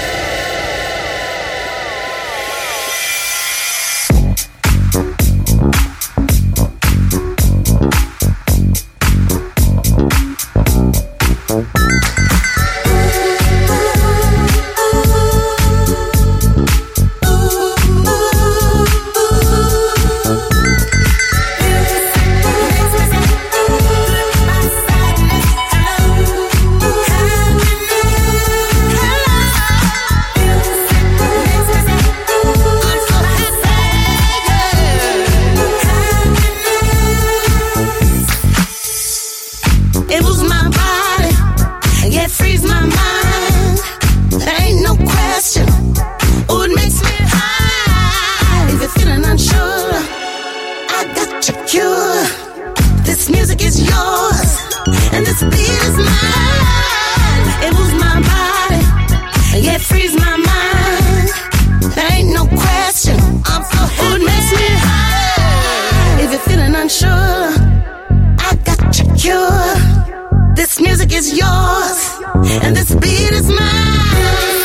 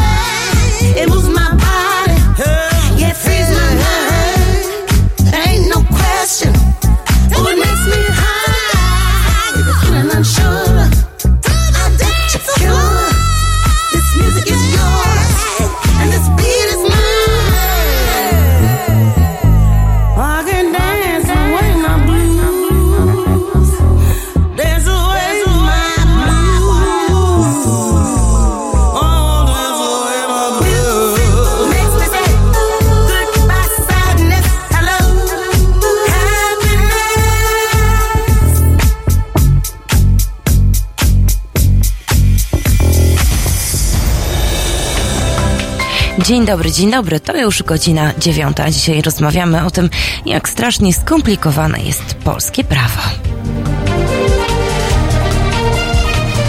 Halo Radio. I ja jeszcze raz przedstawię naszego gościa. Moim Państwa gościem jest adwokat Radosław Płonka. Dzień dobry. Dzień dobry. Bo to pełna godzina, więc o pełnej godzinie zawsze się witamy z tymi, którzy do nas dołączyli. I tu pojawił się taki komentarz z, od e, Karola. Wszystko w, wokół wskazuje na to, że zdawanie się na ludzki rozsądek jest nierozsądne. Pojawił się też e, komentarz dotyczący wynagrodzenia ławników, którzy są śmiesznie, zdaniem Elutka, e, opłacani, a sędziowie niechętnie korzystają tak naprawdę z e, ich pomocy. Dobry adwokat, bardzo znany, powiedział, i tutaj cytat, że w sądzie sprawiedliwości niech pan nie szuka. Znaczy, ta teza też nie można generalizować, pani redaktor. No, są oczywiście wspaniałe sprawy, wspaniałe precedensy, e, wspaniali sędziowie. e, No, my oczywiście mówimy o tym, co złe, bo to jest do poprawy, ale są też e, piękne chwile i, i, i są też wspaniali ludzie w polskim wymiarze sprawiedliwości. Mm, e, Także e, no, tutaj ge- generalizowanie nie, nie jest wskazane, aczkolwiek są te bolączki i trzeba naprawdę za, zaradzić, żeby y, ta pozytywna e, prognoza czy pozytywna ocena e, była, przykryła te negatywne rzeczy, no bo póki co rzeczywiście tych negatywnych mm, czynników Aspektów jest tyle. Tak, że, że po prostu jakby ro, rozmawiamy siłą rzeczy o tym. E, więc y, trzeba szukać rozwiązań, e, trzeba o tym rozmawiać w wszelkim e, właśnie zakresie, natomiast y, tak jak już wcześniej A do tego, żeby to e, tak naprawdę rozwikłać, e, niezbędna jest debata publiczna, prawda? Tak, niezbędna tak, jest rozmowa. właśnie- No my tutaj wpadliśmy chyba na jeden z takich, możemy to nazwać pomysłów, jak można byłoby trochę skrócić te sprawy, czyli ci ławnicy, którzy byliby ekspertami z danej dziedziny. Tak. Dzięki temu sąd nie musiałby korzystać korzystać z e, pomocy w każdej sprawie, z pomocy biegłych, bo miałby na przykład takie e, osoby przy sobie, czyli jeżeli sędzia, który zna się na prawie, a sprawa dotyczy odszkodowania po wypadku, miałby obok siebie powiedzmy ortopedę i rehabilitanta, to mógłby na bieżąco od razu, bez oczekiwania, uzyskać taką opinię, taką konsultację, czy rzeczywiście osoba, która tutaj wnioskuje o odszkodowanie, czy, czy o jakieś środki na rehabilitację, tego potrzebuje, czy nie. Trochę szybciej by to działało. No na pewno szybciej i do tego moglibyśmy odejść od tej zasady pisemności, że wszystko prawda na piśmie, e, ewentualnie gdyby strona sobie życzyła wcześniej taką opinię trzeba by sporządzić. Ba, bardzo dobry pomysł uważam, E, podobnie właśnie w sprawach przedsiębiorców, gdzie jest potrzebna wiedza też właśnie ekonomiczna, e, finansowa i tak dalej. No, e, jeśli sędzia ma przy sobie... Praktyczna tak zwana. Praktyczna, prawda? Praktyczna. tak, tak. Jeśli sędzia ma przy sobie takie osoby, może bardzo szybko to skonsultować, y, przeprocedować y, z korzyścią dla wszystkich. Tylko to wymaga finansowania, podobnie jak ławnicy w sprawach na przykład karnych, em, też, czy w jakichkolwiek też cywilnych, to, to wymaga nakładów, a państwo jest niechętne do tego, żeby łożyć nakłady na, na, na wymiar sprawiedliwości, więc mamy Tutaj mm, nasz słuchacz e, pyta, że powiedział pan precedensy. Jaki wpływ na orzecznictwo w Polsce mają precedensowe sprawy i wyroki? Yy, Wbrew pozorom mają, e, bo e, jeśli Sąd Najwyższy, bo jakby on kreuje te powiedzmy rozstrzygnięcia w sprawach precedensowych i w sytuacji, gdy sądy powszechne, czyli te wszystkie jakby niższego, niższego e, rzędu w stosunku do Sądu Najwyższego, e, no, mają jakieś dylematy, czy, czy powiedzmy orzecznictwo jest niejednolite, czy interpretacja przepisów niejednolita, wtedy trafia to do Sądu Najwyższego i sąd rozstrzyga taki właśnie precedens. Jak to zrobić? Czegoś nie było, jeszcze nie było wcześniej takiej sprawy i w którym kierunku pójść. Także i takie orzeczenie mm, w pojedynczej sprawie może nie jest bezwzględnie wiążące, ale sądy biorą to pod uwagę potem. Natomiast są też uchwały Sądu Najwyższego, które już są mające moc zasady prawnej i wtedy już e, e, sąd powszechny rozpoznający sprawę jest związany takim e, właśnie precedensem, że tak to nazwę. Więc są, aczkolwiek nie jest to... Mm, jakby nasze prawo jest stanowione, więc y, y, bardziej chodzi o interpretację tego stanowionego prawa, niż o to, że na przykład y, taki case był rozstrzygnięty tak i tak, prawda? Na, na, na to powołać się nie można, bardziej na to, że dany przepis, który to reguluje, je, był w ten sposób zinterpretowany. E, więc e, no, tutaj systemu prawnego nie zmienimy, prawda? Tam e, w anglosaskich krajach kształtował się on przez, przez setki lat, natomiast pewne rzeczy mo, możemy właśnie zaczerpnąć na pewno, tak? I, i tutaj Możemy się powołać na tę sprawę, tak, aby ta nasza została czy, czy też rozpatrzona tak, w podobny sposób, że takie rozwiązanie zostało e, zastosowane. Mm, Tutaj jeden z naszych słuchaczy, pan Piotr, pisze, że są sędziowie i sędziowie, jak wszędzie. E, I tutaj odnosi się do pana Macieja, który do nas dzwonił, że w naszych przypadkach mieliśmy dwie podobne sytuacje, ale apelacje je korygowały na szczęście, więc e, ten wpływ e, sądów apelacyjnych e, i w ogóle istnienie sądów apelacyjnych tak naprawdę jest e, bardzo ważne, prawda, bo tutaj daje możliwość odwołania się od e, wyroku e, sądu pierwszej instancji i w razie czego naprawienia ewentualnych błędów, które e, powstały podczas e, takiego wyroku.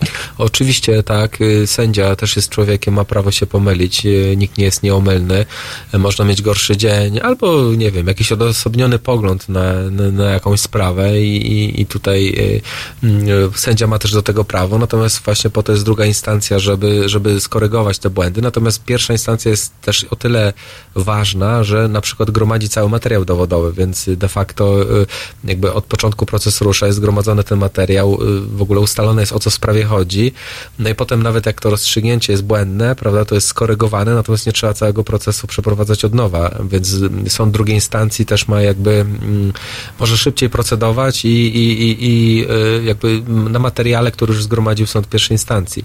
No, ewentualnie poprosić o uzupełnienie czegoś, co jest w jego ocenie bardzo ważne, ale to jest jest e, już malutki zakres tak Tak, naprawdę aczkolwiek to jest nazwijmy to papierologii i innych rzeczy. Wyjątek, y, pani redaktor. Tak, sądy właśnie drugiej instancji raczej już y, dowodów co do zasady nie przeprowadzają bardzo rzadko, prawda?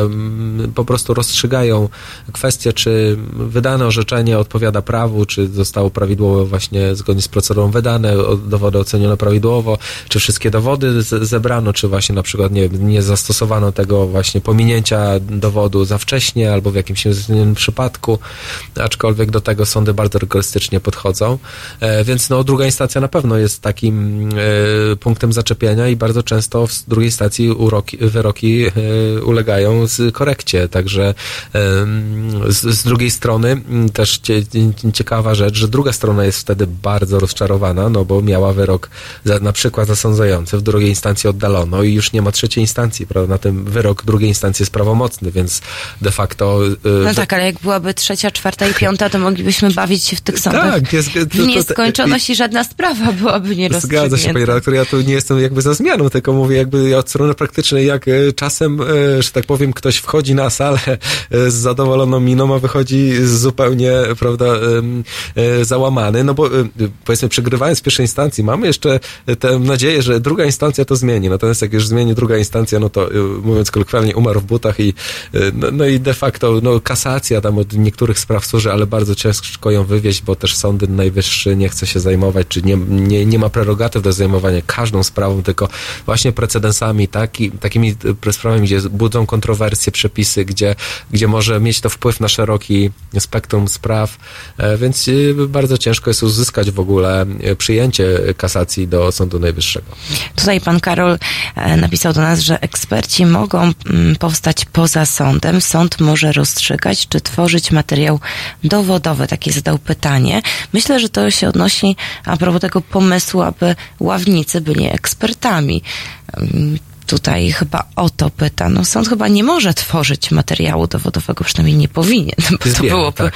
bo to nie jest biegłym. E, Ale na przykład no, mając obok siebie e, ekspertów, mógłby zasięgnąć opinii. A teraz przed nami Sweet Home Alabama.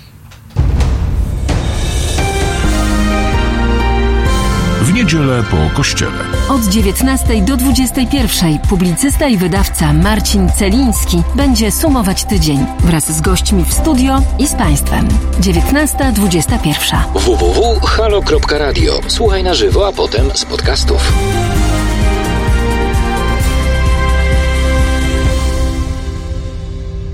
Big wheels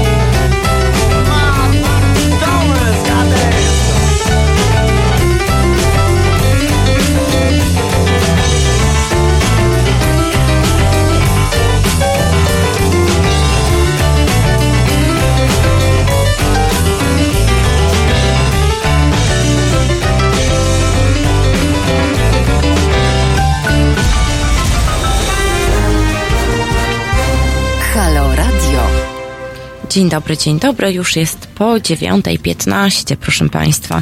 Mm, A ja zadam Wam pytanie.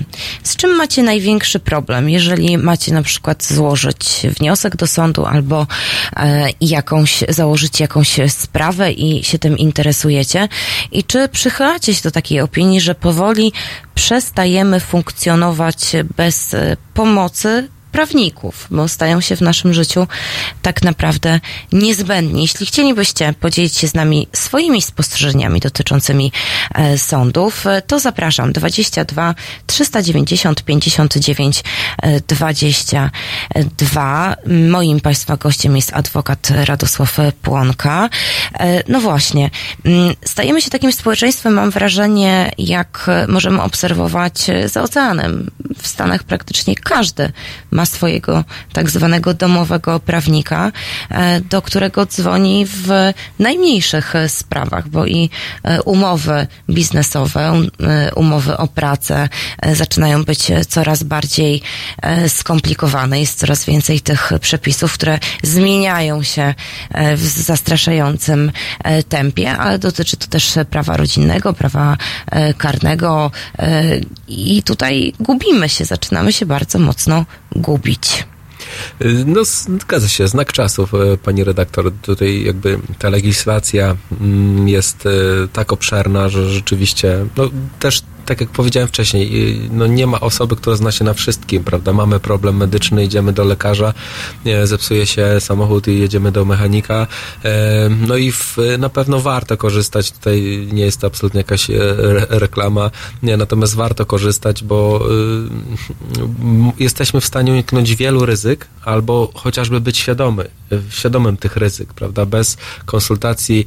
E, Mówię o istotnych rzeczach oczywiście w życiu. Są też sprawy, gdzie no po prostu ludzie lubią się procesować, prawda? I e, no, no, no tutaj jakby nic nie poradzimy. Natomiast naprawdę, jeśli mamy do podpisania e, jakąś umowę, coś jest istotne w naszym życiu, e, nie, nie, nie róbmy tego sami. Tak jak powiedziałem, koszty pomocy prawnej obecnie nie są już tak wysokie jak, jak kiedyś. Jest to jeszcze mit, który jakby krąży w społeczeństwie, ale naprawdę proszę mi uwierzyć, to już są ceny osiągane dla każdego obywatela e, i jakby dostępność prawników jest dużo większa. Warto, naprawdę warto, bo do mojej kancelarii też trafiają przypadki jakby właśnie po fakcie, tak? Już się coś stało, coś się zadziało. Gdyby ktoś przyszedł wcześniej, koszty by były absolutnie dużo mniejsze.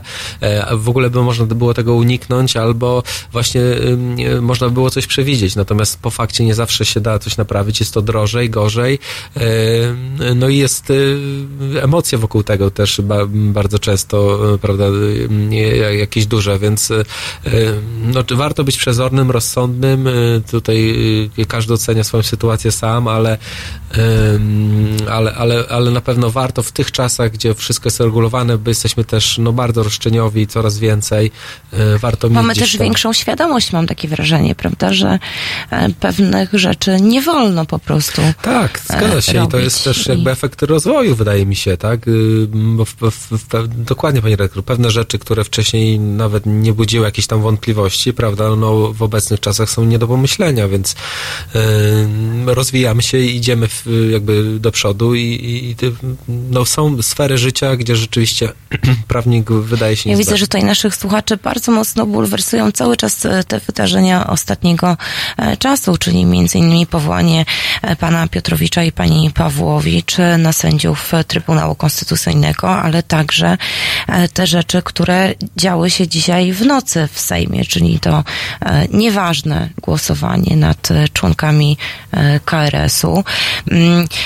Jednak to, o czym mówiliśmy wcześniej, że te niejasności w prawie, ta nieprzejrzystość tego, co się dzieje i tego, jak e, obecnie zmieniane są te przepisy e, prawne, powodują w obywatelach e, bardzo dużo niepokoju, że te wyroki mogą przestać być wydawane w sposób sprawiedliwy, a przecież takiej sprawiedliwości się od sądu oczekuje, że te zmiany są tak galopujące właśnie, że no, o czym Pan mówi, że często e, jeżeli zgłosilibyśmy się do prawnika wcześniej, moglibyśmy uniknąć poważnych, na przykład finansowych e, konsekwencji, tylko skąd mamy wiedzieć, że pewne rzeczy się zmieniają tak szybko? Na pewno y, nie, nie do przecenienia jest rola mediów i tutaj mm, na, na, naprawdę mm, bardzo dużo media robią w tym kierunku, żeby właśnie informować społeczeństwo i e, uświadamiać. To, to jest ba, bardzo dobry trend. E, No a już tak przechodząc na indywidualne jakby e, kwestie, no to, to, to właśnie na pewno warto mieć kogoś e, mm, e, zaufanego, z którym wiemy, że właśnie jest merytorycznie e, na wysokim poziomie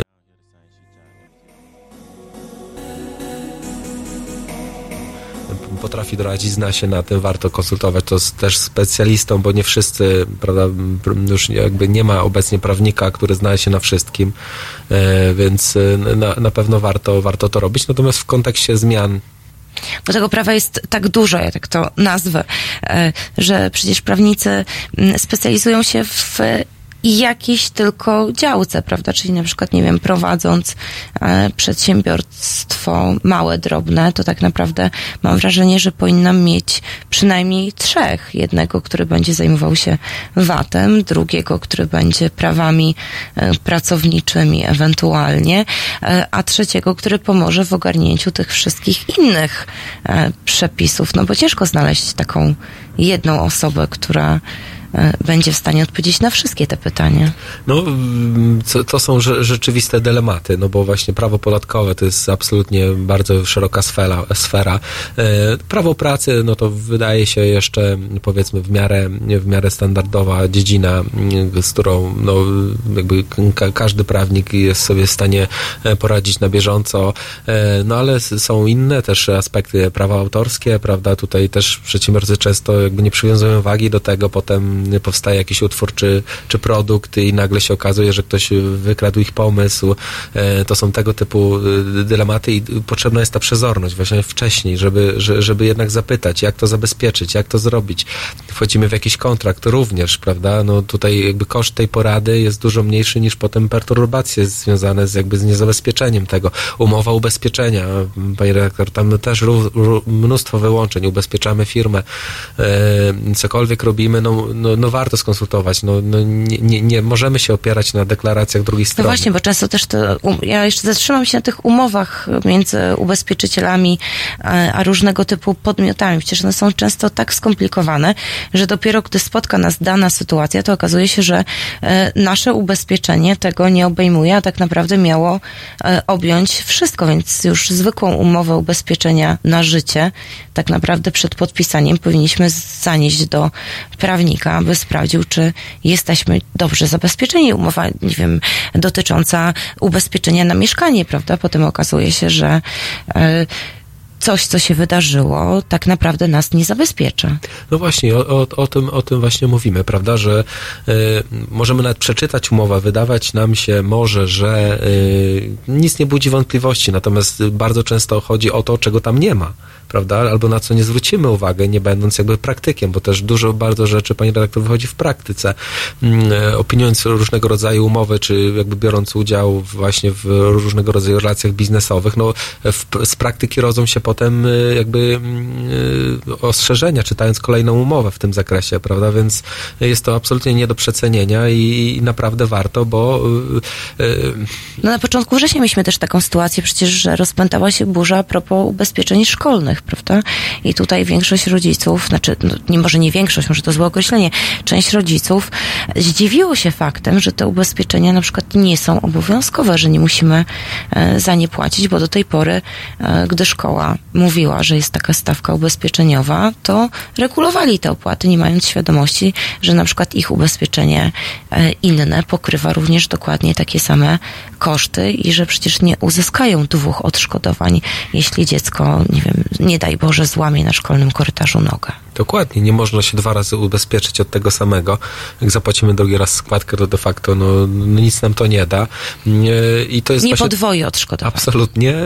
I, i, I to jest właśnie też kwestia tej właśnie świadomości. Jesteśmy coraz bardziej świadomi, też mi, między innymi dzięki mediom.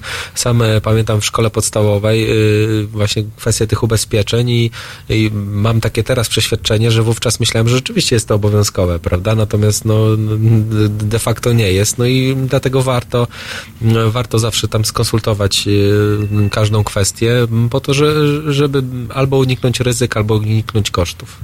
No właśnie tutaj nasz słuchacz e, napisał, że trzeba mieć swojego prawnika, lekarza, budowlańca, tramwajarza, e, dziennikarza i tak dalej, więc najlepiej otoczyć się dookoła samymi e, specjalistami. A jeszcze o kwestiach właśnie tego, jak znaleźć e, te kruczki prawne, jak w tym wszystkim się rozeznać, porozmawiamy za moment.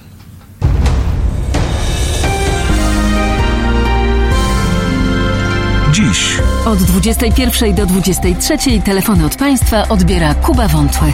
Tu chyba nic nie trzeba dodawać. 21, 23. www.halo.radio. Słuchaj na żywo, a potem z podcastów.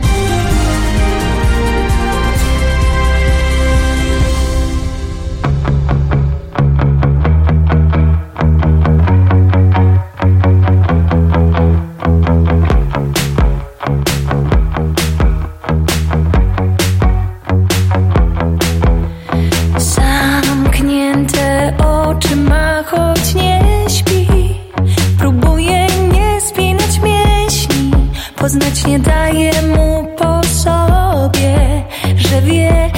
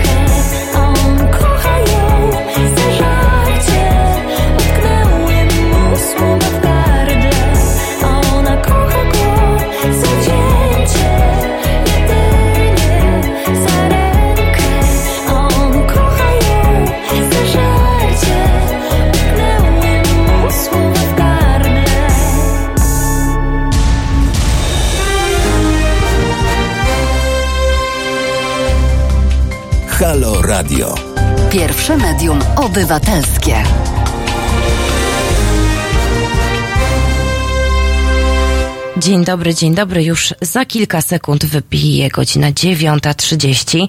No właśnie, piszą Państwo o tym, że najlepiej e, mieć w swoim bliskim otoczeniu zarówno lekarza, prawnika, e, księdza, weterynarza i, i wszystkich innych sprawdzonych specjalistów, czyli najlepiej otaczać się e, takimi przyjaciółmi, żeby mogli nam pomóc w e, każdej e, dziedzinie życia. No niestety, coraz większe e, skomplikowanie tych wszystkich przepisów prawnych e, wymusza na nas po części to, że musimy nawet właśnie umowy dotyczące ubezpieczeń e, konsultować, bo może się okazać, że jesteśmy święcie przekonani, że coś nas zabezpiecza, a w danej sytuacji nas e, nie będzie zabezpieczało. Cały czas rozmawiamy dzisiaj o tym, aby mm, dbać e, o te swoje e, prawne sprawy, gdzie znaleźć e, takie informacje, aby przez przypadek nie stać się przestępcą, bo dzisiaj możemy naprawdę nieumyślnie zostać postawieni w takiej sytuacji, która no, może zmienić całe nasze życie. Pan Karol pyta, no a księdza to do czego? I ja się tutaj do tego odniosę, że tak się mówiło przez lata, było takie powiedzenie, że w najbliższej rodzinie powinien znaj- znajdować się lekarz, prawnik i ksiądz. Lekarz po to, żeby nie stwierdzić, na co chorujemy, a ksiądz na to, aby szybko nas e, pochować bez zbędnego problemu. To taki e, miejscowy, że tak to nazwę, e, żart. Ale jeśli chodzi o prawo, to tutaj żartów nie ma. Przecież jest taki przepis, który mówi o tym, że nieznajomość prawa nie zwalnia nas z odpowiedzialności. Brzmi groźnie. No, de facto taka zasada jest naczelną zasadą tutaj e, w naszym systemie prawnym. No i, i właśnie tych przepisów e, Sejm produkuje bardzo dużo. E, Obywatel nie jest w stanie się tym od, odnaleźć. Prawnikom jest ciężko. W związku z powyższym możemy zostać niestety zaskoczeni jakimś rozwiązaniem. Działając właśnie w dobrej wierze, okazuje się, że czegoś nie dopełniliśmy, nie zarejestrowaliśmy w jakimś rejestrze. Obecnie jakby obserwuję trend właśnie tworzenia różnego rodzaju rejestrów. Rejestr beneficjentów rzeczywistych, e, rejestr BDO, e, ró- różnego rodzaju rejestry. E, Są mm, za to oczywiście obostrzenia, sankcje w sytuacji, gdy no, przedsiębiorca tak naprawdę może nawet o tym nie wiedzieć, że do jakiegoś rejestru ma się wpisać, prawda? No, więc i nikt go o tym właśnie nie poinformuje. On ma śledzić przepisy i ma się dowiedzieć sam, prawda? I jeszcze je zrozumieć i przeczytać i co nie jest naprawdę łatwe, bo to są takie szczegółowe ustawy, gdzie tam nie wynika e, nic czytając literalnie przepis e, pojedynczy. Trzeba naprawdę cały jakby całą ustawę systemowo przejrzeć i, i, i, i, i, to również czasem nie daje e, odpowiedzi na, na zadane pytania, więc Jest, jest, e, ta rzeczywistość prawna nas e, coraz mocniej otacza. E, No i w tym się trzeba odnajdować. Trzeba postawić właśnie na, na fachowców, na, na, na ludzi, którzy znają się na rzeczy i, i te najważniejsze co najmniej sprawy życiowe e, no po prostu konsultować. Czyli może wprowadzić taki system, e, no niestety może to być dość e, kosztowne, e, prawnika rodzinnego, który będzie znał się na każdej, na takiego rodzinnego, oczywiście nie pod kątem prawa rodzinnego, który będzie znał się na każdym aspekcie prowadzonej przez daną rodzinę, nie wiem, czy gospodarczej działalności, czy takiego życia e, codziennego po to, aby konsultować wszystkie nasze rzeczy. Możemy wpaść w taką paranoję, jeżeli będziemy tak naprawdę zastanawiać się nad tym, czy każdą umowę mamy skonsultować. Znaczy, oczywiście ze zdrowym rozsądkiem należy y, jakby podejść do tematu. no, jeśli czujemy, że dana umowa no, mo, może mieć wpływ na, na nasze życie, na przykład właśnie umowa ubezpieczenia, w momencie jej podpisywania no, zakładamy, że wszystko jest w porządku, prawda? Płacimy składkę, liczymy, że ktoś się wywiąże z zobowiązań do tego, ten, kto od, tą składkę od nas pobiera, zapewnia wszystko będzie w porządku, proszę się nie martwić, on przygotowuje druk, prawda? E, Tam są jakieś zapisy, wyłączenia, powołanie się na ogólne warunki umowy, różne klauzule, e, różne niezrozumiałe sformułowania. Mm, e, No i właśnie, niestety często okazuje się, że e, po zdarzeniu szkodowym, właśnie tak jak pani redaktor wspomniała, no tak naprawdę zapłaciliśmy za, za iluzję. Więc na, na przykład w tego rodzaju sprawach, no jeśli ubezpieczamy swój majątek, powinniśmy skorzystać, a bardzo rzadko to robimy przy zakupie nieruchomości, pani redaktor. No, umowa deweloperska Bardzo często też jakby zapytania do nas trafiają, e, natomiast gro osób w ogóle nie korzysta, prawda? I, i y, zaciąga się zobowiązanie na paręset tysięcy na, na długie lata, e, kupuje tak zwaną dziurę w ziemi, e, nie konsultując tego e, z, z prawnikiem, a naprawdę dużo niespodzianek może po drodze się wydarzyć. Póki co system jest oczywiście stabilny, natomiast e, no, mam taki przypadek właśnie w kancelarii, gdzie pan jakby no, podpisał umowę, wziął kredyt, e, deweloper się opóźnia z realizacją bardzo długo, bo już ponad rok jakieś tam są problemy z, jakby z przyłączami. E, No i pan płaci kredyt, wynajmuje alternatywne mieszkanie i nie wiadomo, czy w ogóle e, i kiedy ten deweloper zbuduje e, tą nieruchomość, a deweloperem jest spółka utworzona przez jakiegoś zagranicznego obywatela, prawda? Więc nawet nie ma kogo tutaj szukać. E, Czego nie sprawdził na etapie zawierania umowy. Jeśli by do nas trafił, to ja bym pierwszy co zwrócił mu uwagę na to, że e, spółka jest owszem prawa polskiego, ale proszę zwrócić uwagę, kto jest tam w zarządzie i udziałowcem osoby e, jakby nie, nie obywatelstwa polskiego, więc coś się stanie, zostaje spółka w Polsce, która prostu sobie widnieje w KRS-ie i nic więcej nie ma. Spółka to jest po prostu dokumenty w teczce. No i co wówczas, prawda? E, więc tego typu właśnie e, dylematy, czy, czy przestroga, e, żeby no, na wczesnym etapie reagować, bo oczywiście nie jesteśmy w stanie przewidzieć wszystkiego. Życie jest bogatsze niż nasza wyobraźnia ale jak podejmujemy jakieś istotne życiowo decyzje dla nas albo mamy jakiś problem, naprawdę e, e, no, bardzo często też zauważam trend konsultacji w internecie, w sensie ktoś tam sobie wygoogluje, mówiąc kolokwialnie i, i, i- szuka odpowiedzi. E, W prostych sprawach jest to dobre rozwiązanie, natomiast w skomplikowanych no niestety nie, bo, no, bo nie jesteśmy w stanie właśnie tego dobrze zinterpretować i, i, i tam i A często też w internecie te interpretacje są niestety błędne. Błędne. Skraj. y, y, y, Zawsze w zasadzie jest tak, że są i bardzo dobre odpowiedzi, ktoś naprawdę widać, że się zna i bardzo złe odpowiedzi. I teraz nie będąc fachowcem w danej dziedzinie jesteśmy w stanie wyselekcjonować, kto mówi jak jest, a kto po prostu udaje e, mądrego. E, no, prosty przykład w, sferze medycznej, prawda, też jak coś się dzieje członkowi najbliższej naszej rodziny, no też googlujemy, ja też kiedyś tak zrobiłem, ale jakby odszedłem od tego, bo właśnie zrozumiałem, że to, to jest droga donikąd. Tam po prostu jest tyle informacji, nie znając się na tym, nie jestem w stanie wyselekcjonować, kto pisze prawdę, a kto nie. W związku z powyższym jakby no, napędza to jeszcze większą obawę, prawda? I, i, i można popełnić błąd, za- zawierzając komuś. y, y, Więc no, no tutaj naprawdę I a propos właśnie tych błędów, to jeden z naszych słuchaczy pytał to, że gdzie można złożyć zażalenie na złe działania adwokata? Czyli rozumiem, że adwokata, którego sami wybraliśmy na naszego reprezentanta.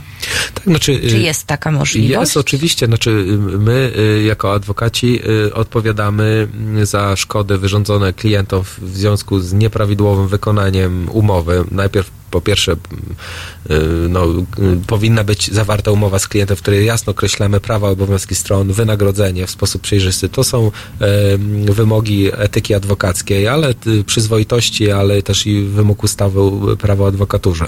Więc musimy mieć umowę, która określa, co my mamy zrobić, żeby też nie było właśnie niedomówień, nie, niespodzianek. Ktoś się czegoś spodziewał, a jednak tego nie ma, prawda? Tak, bo jeżeli na przykład będzie pan prosił swojego klienta o dostarczenie jakiegoś dokumentu 30 razy i ten dokument nie wpłynie na czas do sądu, no to już za taki błąd nie odpowiada adwokat, a Dokładnie. e, strona. Ale jeżeli na przykład strona złoży e, dany dokument, który jest potrzebny do uzupełnienia w sądzie, a na przykład pan jako strona reprezentująca nie złoży tego na czas w sądzie, to już tutaj jest odpowiedzialność po stronie adwokata. Dokładnie i w związku z tym, że jakieś czynności będą wykonane nieprawidłowo, no klient ma roszczenie, jeśli przegrał sprawę w związku z tym, że właśnie pełnomocnik go e, źle poprowadził, no to ma roszczenie cywilne w stosunku do, do, do, do adwokata. E, jest też e, możliwość zawiadomienia organów izby, tylko że to jest odpowiedzialność dyscyplinarna ewentualnie, więc e, jakby nie powoduje to restytucji tego uszczerbku, prawda, spowodowanego błędem w sztuce Czyli nie cofa to krótko No na przykład, tak? Natomiast no więc bardziej rozsądnym, czy, czy, czy, czy dającym jakieś namacalne powiedzmy korzyści jest y, po prostu bym, powództwo cywilne, aczkolwiek nie, panie redaktor, y, oczywiście my wszyscy jesteśmy ubezpieczeni, prawda? Bo tak jak powiedziałem, nikt nie jest nieomylny i każdy może mieć gorszy dzień em, lub czegoś po prostu nie wiedzieć, nie dopatrzeć, życie jest, prawda, życiem i, i jesteś jesteśmy oczywiście ubezpieczeni od odpowiedzialności cywilnej e, w, w, w dużych korporacjach e, finansowych i, i, i jakby tutaj każdy, kto przyjmuje sprawę, e, no, jest zobowiązany też zweryfikować, czy jakby ewentualne roszczenia wynikające z tej sprawy nie przekraczają zakresu jego ubezpieczenia. Jeśli tak jest, no to musi się doubezpieczyć, prawda? I wtedy dopiero przyjąć sprawę. E, Także tutaj jakby interes klienta nie może być y, no, y, pokrzywdzony, no bo to tak jak z wypadkiem samochodem, po prostu coś się dzieje, wtedy ubezpieczyciel wypłaca odszkodowanie e, i po prostu nikt nie jest, nikt nie jest pokrzywdzony. No właśnie. E, Teraz, proszę Państwa, jeszcze raz mała, krótka muzyczna przerwa i wracamy na nasze chyba już ostatnie wejście przed e, końcem tej audycji. Do usłyszenia za moment.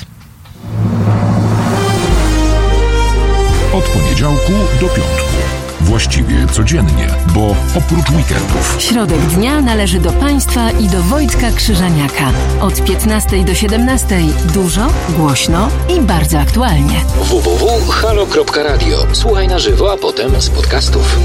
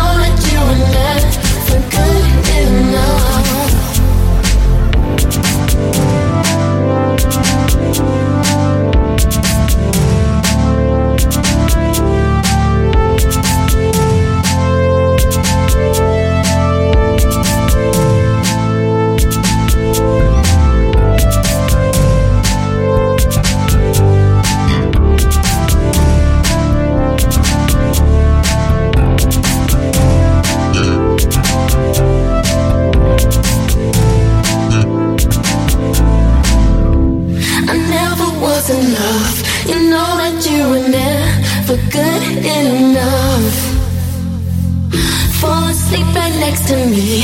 You know that you were never good enough. I never was in love. You know that you were never good enough.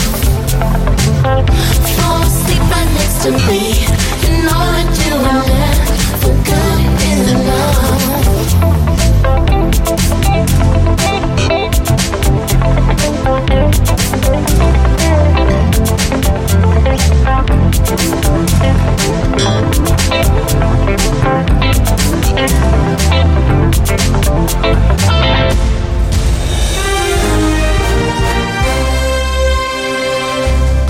Halo Radio. Gadamy i trochę gramy.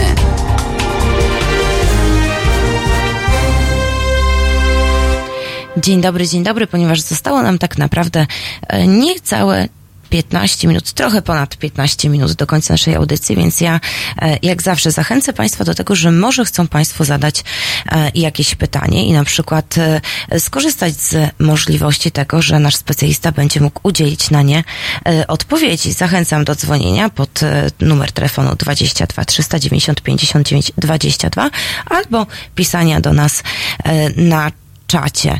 E, Właśnie, te wszystkie nasze umowy, które teraz spisujemy, są bardzo skomplikowane e, i tak naprawdę powinniśmy chyba również konsultować umowy dotyczące e, kredytów z bankami, choć banki takie umowy, jeśli chodzi o przed podpisaniem, niechętnie wydają do wglądu klientowi, aby mógł e, przedstawić e, na przykład wynajętemu przez siebie e, prawnikowi do e, przeczytania i sprawdzenia, czy na pewno tam jest wszystko e, w porządku, czy mamy jakiś realny wpływ na to, aby e, no, wymusić taką umowę, zanim ją podpiszemy. No bezwzględnie powinniśmy o to zadbać, żeby taką umowę otrzymać. E, Jeśli druga strona nie chce nam jej przedstawić e, wzoru, który sam przy, przygotowała, no to po prostu nie powinniśmy jej podpisywać. Nie powinniśmy e, podpisać umowy przeczytanej na szybko, prawda, którą otrzymaliśmy 5 minut przed jej podpisaniem. I to żadnej umowy, naprawdę. A im dłuższa umowa, tym e, więcej ryzyk dla nas, panie redaktor, bo krótka umowa, to oczywiście mówię o takiej zasadzie generalnej, e, powoduje to, że dużo m, rzeczy, które jakby nie są uregulowane w umowie, należy uzupełnić e, stosując kodeks cywilny, prawda? A kodeks cywilny jest napisany przez, e, e, no, przez prawników w, w, z takim założeniem, żeby wyważyć interes stron, prawda? Czyli e, no, tam mniej więcej e, chodzi o prawdę i, i o to, żeby właśnie w sytuacji, gdy komuś się dzieje krzywda, no druga strona nie skorzystała na tym. Jest tak bardzo, bardzo, bardzo ogólnie. Nie, Więc y, na pewno krótsza umowa jest lepsza niż dłuższa. Jak jest długa umowa, no to już trzeba naprawdę, y, musi się włączyć czerwona lampka, y, bo być może w tych zapisach właśnie ktoś próbuje modyfikować te zasady, na przykład z kodeksu cywilnego, po to, żeby w sytuacji, gdy coś się stanie, no być w lepszej pozycji niż my, prawda? Więc No właśnie, jeżeli jest w takiej umowie, mm, bez względu na to, jakby jakiej działki ona dotyczy, jeżeli jest zapis właśnie taki modyfikujący e, przepisy kodeksu cywilnego, e, to który z przepisów jest obowiązujący? Czy ten zapisany w tej umowie, która modyfikuje, czy ten z kodeksu prawa cywilnego? Który jest tym ważniejszym? Jasne. Nie, nie, nie da się wywieźć takiej ogólnej zasady, ponieważ y, niektóre przepisy są, y, znaczy ustawodawca dał możliwość zmodyfikowania, niektóre nie. I teraz po prostu jeśli, no a większość jednak możemy w ramach swobody umów, prawda? Więc tutaj y, każda modyfikacja tych zasad kodeksowych, no powinna też u nas budzać po prostu, jak jest to przygotowany wzorzec przez drugą stronę, właśnie czujność, że może tam właśnie ta modyfikacja jest po to, żeby właśnie uzyskać w- przewagę kontraktową, więc e, tu musimy być bardzo czujni. Natomiast mówię, tu trzeba by się odnieść do konkretnego przypadku szczegółowego, e, jaki zapis, e, bo rzeczywiście nie wszystkie zapisy kodeksowe można modyfikować, bo tu ustawodawca właśnie też czuwa nad tym, żeby e, strona słabsza, jakby umowy była chroniona. W szczególności ma to zastosowanie w umowach e, między przedsiębiorcami a konsumentem, gdzie tutaj konsument ma jakby szczególne względy ustawodawcy i w związku z powyższym e, jego interes jest chroniony. Nie wszystkie zapisy forsowane przez przedsiębiorcę mogą znaleźć zastosowanie. Bardzo często czytając umowy, ludzie zwracają uwagę na to, że zdarzają się takie przypadki wykluczające, to znaczy powiedzmy jeden z punktów mówi e, o sytuacji, że e, jeżeli spóźnimy się z opłatą czynszu w granicach tam trzech czy czterech dni, no to dana osoba może wyciągnąć konsekwencje z, nie wiem, z tytułu odsetek karnych za każdy dzień e, spóźnienia, a kolejny z przepisów mówi o tym, że ten czynsz powinniśmy płacić e, maksymalnie na przykład do dnia 10 każdego miesiąca, a znowu kodeks cywilny mówi o tym, że nie ma czegoś takiego jak karne odsetki za umowę. I co teraz? Nie, znaczy, jeśli chodzi o umowę i teraz pytanie, ja- jakiego rodzaju jest to umowa, bo też tu być może wchodzi w grę ustawa o ochronie praw lokatorów, która w ogóle jakby te kwestie najmu bardzo szczegółowo reguluje i tutaj jakby swobody umów nie ma, nawet nawet w takim obrocie nieprofesjonalnym, gdzie nie ma przedsiębiorcy, tylko po prostu obywatel, obywatel i ktoś komuś wynajmuje mieszkanie, no to musi być to odbywać się na zasadach tej ustawy. Nie, więc tam jest wszystko uregulowane. Kwestie czynszu, podwyżki czynszu, odsetek, kiedy można wypowiedzieć umowę, e, i więc nie, nie można się dowolnie umówić, prawda? E, natomiast e, w kwestiach odsetek, no mamy przepisy bezwzględnie obowiązujące po to, żeby właśnie chronić przed jakimś pobieraniem odsetek od odsetek, zbyt wysokich odsetek. Jest to uregulowane ustawowo, są odsetki ma- maksymalne określone na określonym poziomie i powyżej tych odsetek nikt nie może e, od nas żądać, e, nawet gdy sobie zapiszę w umowie, prawda, że, że te odsetki są jakieś wyższe. Że powiedzmy za każdy dzień spóźnienia z takim czynszem e, ma prawo doliczyć tam 200 zł, czyli Tak. w tym momencie nie ma takiego Tak, e, prawa. absolutnie wtedy stosuje się kodeks cywilny, ale są, e, panie, panie redaktor, inne zabiegi, na przykład e, si- sieci komórkowe cie- ciekawy zabieg e, stosują, nie wiem, czy u pani redaktor również, e, że mamy termin zapłaty, no właśnie, na przykład do 10 abonamentu za telefon, natomiast jak go nie zapłacimy, tracimy tak zwany bonus, prawda, czy, czy premię za terminowe płatności, następny rachunek jest 50 zł. E, No w mojej ocenie jest to obejście przepisów właśnie o tym, że nie można odsetek, nie można, ta, ta, ta promocja jest pozorna, bo to jaka to promocja? Ja, ja ku- kupuję, prawda, produkt za tyle i tyle i rzekomo otrzymuję jakąś promocję, która będzie utrzymana, jak ja w terminie zapłacę, E, więc e, no na przykład tu taki ciekawy, cie- cie- ciekawy przypadek i, i, i, i, zapis, który w mojej ocenie jest klauzulą abuzywną. Czyli krótko mówiąc, każdy przepis można obejść, znaleźć sposób, żeby go obejść? No, y, oczywiście dla chcącego nic trudnego, prawda? Tutaj nasza wyobraźnia y, jest y, bardzo szeroka i zawsze ktoś wpadnie na pomysł, no, aczkolwiek gdyby taka sprawa trafiła na wokandę, jestem przekonany, że po prostu było to, by to zakwestionowane przez sąd, bo, bo, bo ta promocja jest zrobiona po to właśnie, żeby dyscyplinować y, dłużnika do, do zapłaty, a te kwestie, jak ktoś nie zapłaci, no regulują przepisy, w tym kwestia odsetek ustawowych i wyższych opłat nie można pobierać, tylko maksymalne ewentualnie odsetki. No właśnie, jeszcze może stwórzmy na koniec taki, e, postarajmy się stworzyć taką listę tych umów, które powinniśmy wręcz bezwzględnie skonsultować z prawnikiem po to, aby e, nie stała nam się w przyszłości żadna krzywda i żeby nasze interesy e, były dobrze zabezpieczone. Jaką pierwszą możemy na przykład tutaj wpisać, myślę, umowę e, kredytową, umowę z bankiem Tak. i powiedzieć jasno, że mamy prawo do otrzymania takiej umowy wcześniej po to, aby się z tymi wszystkimi e, zapisami e, zapoznać. Jaka jeszcze umowa? Na pewno właśnie istotne życiowo sprawy, czyli zakup nieruchomości, wynajęcie nieruchomości również, to może nie jest doceniane przez większość i, i, i mm, tak naprawdę no, ta, tego typu umowa nie jest konsultowana najczęściej, ale w sytuacji konfliktu czy problemu, no potem są różnego rodzaju mm, e, właśnie e, spory, e, kwestia nakładów, prawda, no czasem ktoś coś zmodernizuje w tym lokalu i tak dalej, kwestia napraw, właśnie kaucji, podwyżki czynszów, no tutaj jakby z takich umów powszechnie spotykanych jest to wbrew pozorom istotna umowa, a też konsultacja, myślę, takiej umowy wi- wiele nie kosztuje, prawda, no umowy właśnie deweloperskie na, na, na, na pewno, Ubezpieczenia. ubezpieczenia, tak. Na życie. Wszelkiego rodzaju, tak, tak. To, to na pewno, a to są już bardzo, bardzo trudne i skomplikowane e, umowy, które na pewno warto też e, skonsultować. No właśnie. Podsumowując, dzisiaj rozmawialiśmy o tym, że to nasze prawo jest tak bardzo skomplikowane, że zwykły szary obywatel ma tak naprawdę duży problem z tym, aby zapoznać się w tych wszystkich zmianach i aby je ogarnąć i, i pojąć, i że nasze życie e, przestaje być tak naprawdę możliwe bez e, prawników. Próbowaliśmy znaleźć sposób na to, jak zmniejszyć kolejki e, w polskich sądach i tutaj jaki wniosek się nasuwa? Wniosek y, taki, że mamy bardzo wiele do zrobienia, prawda? Znaczy, sytuacja nie jest dobra, widać też po komentarzach naszych słuchaczy. Chyba ni- nikt nie, nie, nie, nie, nie, nie miał takiej sytuacji, że chwalebnie wypowiada się o tym, jaki mam stan rzeczywisty.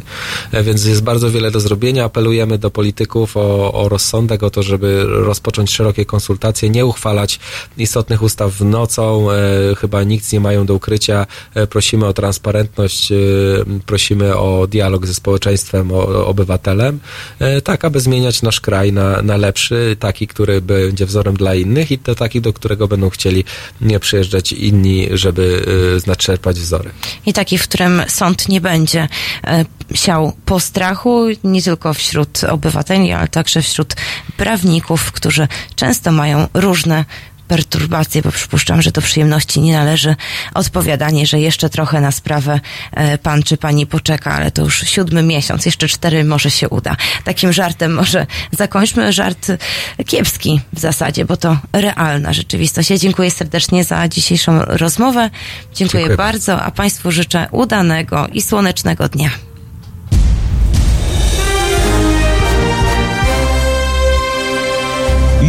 Od 15 do 17 dr Przemysław Witkowski będzie rozpracowywać dla Państwa środowiska skrajnej prawicy i innych szkodników. 15-17. www.halo.radio. Słuchaj na żywo, a potem z podcastów.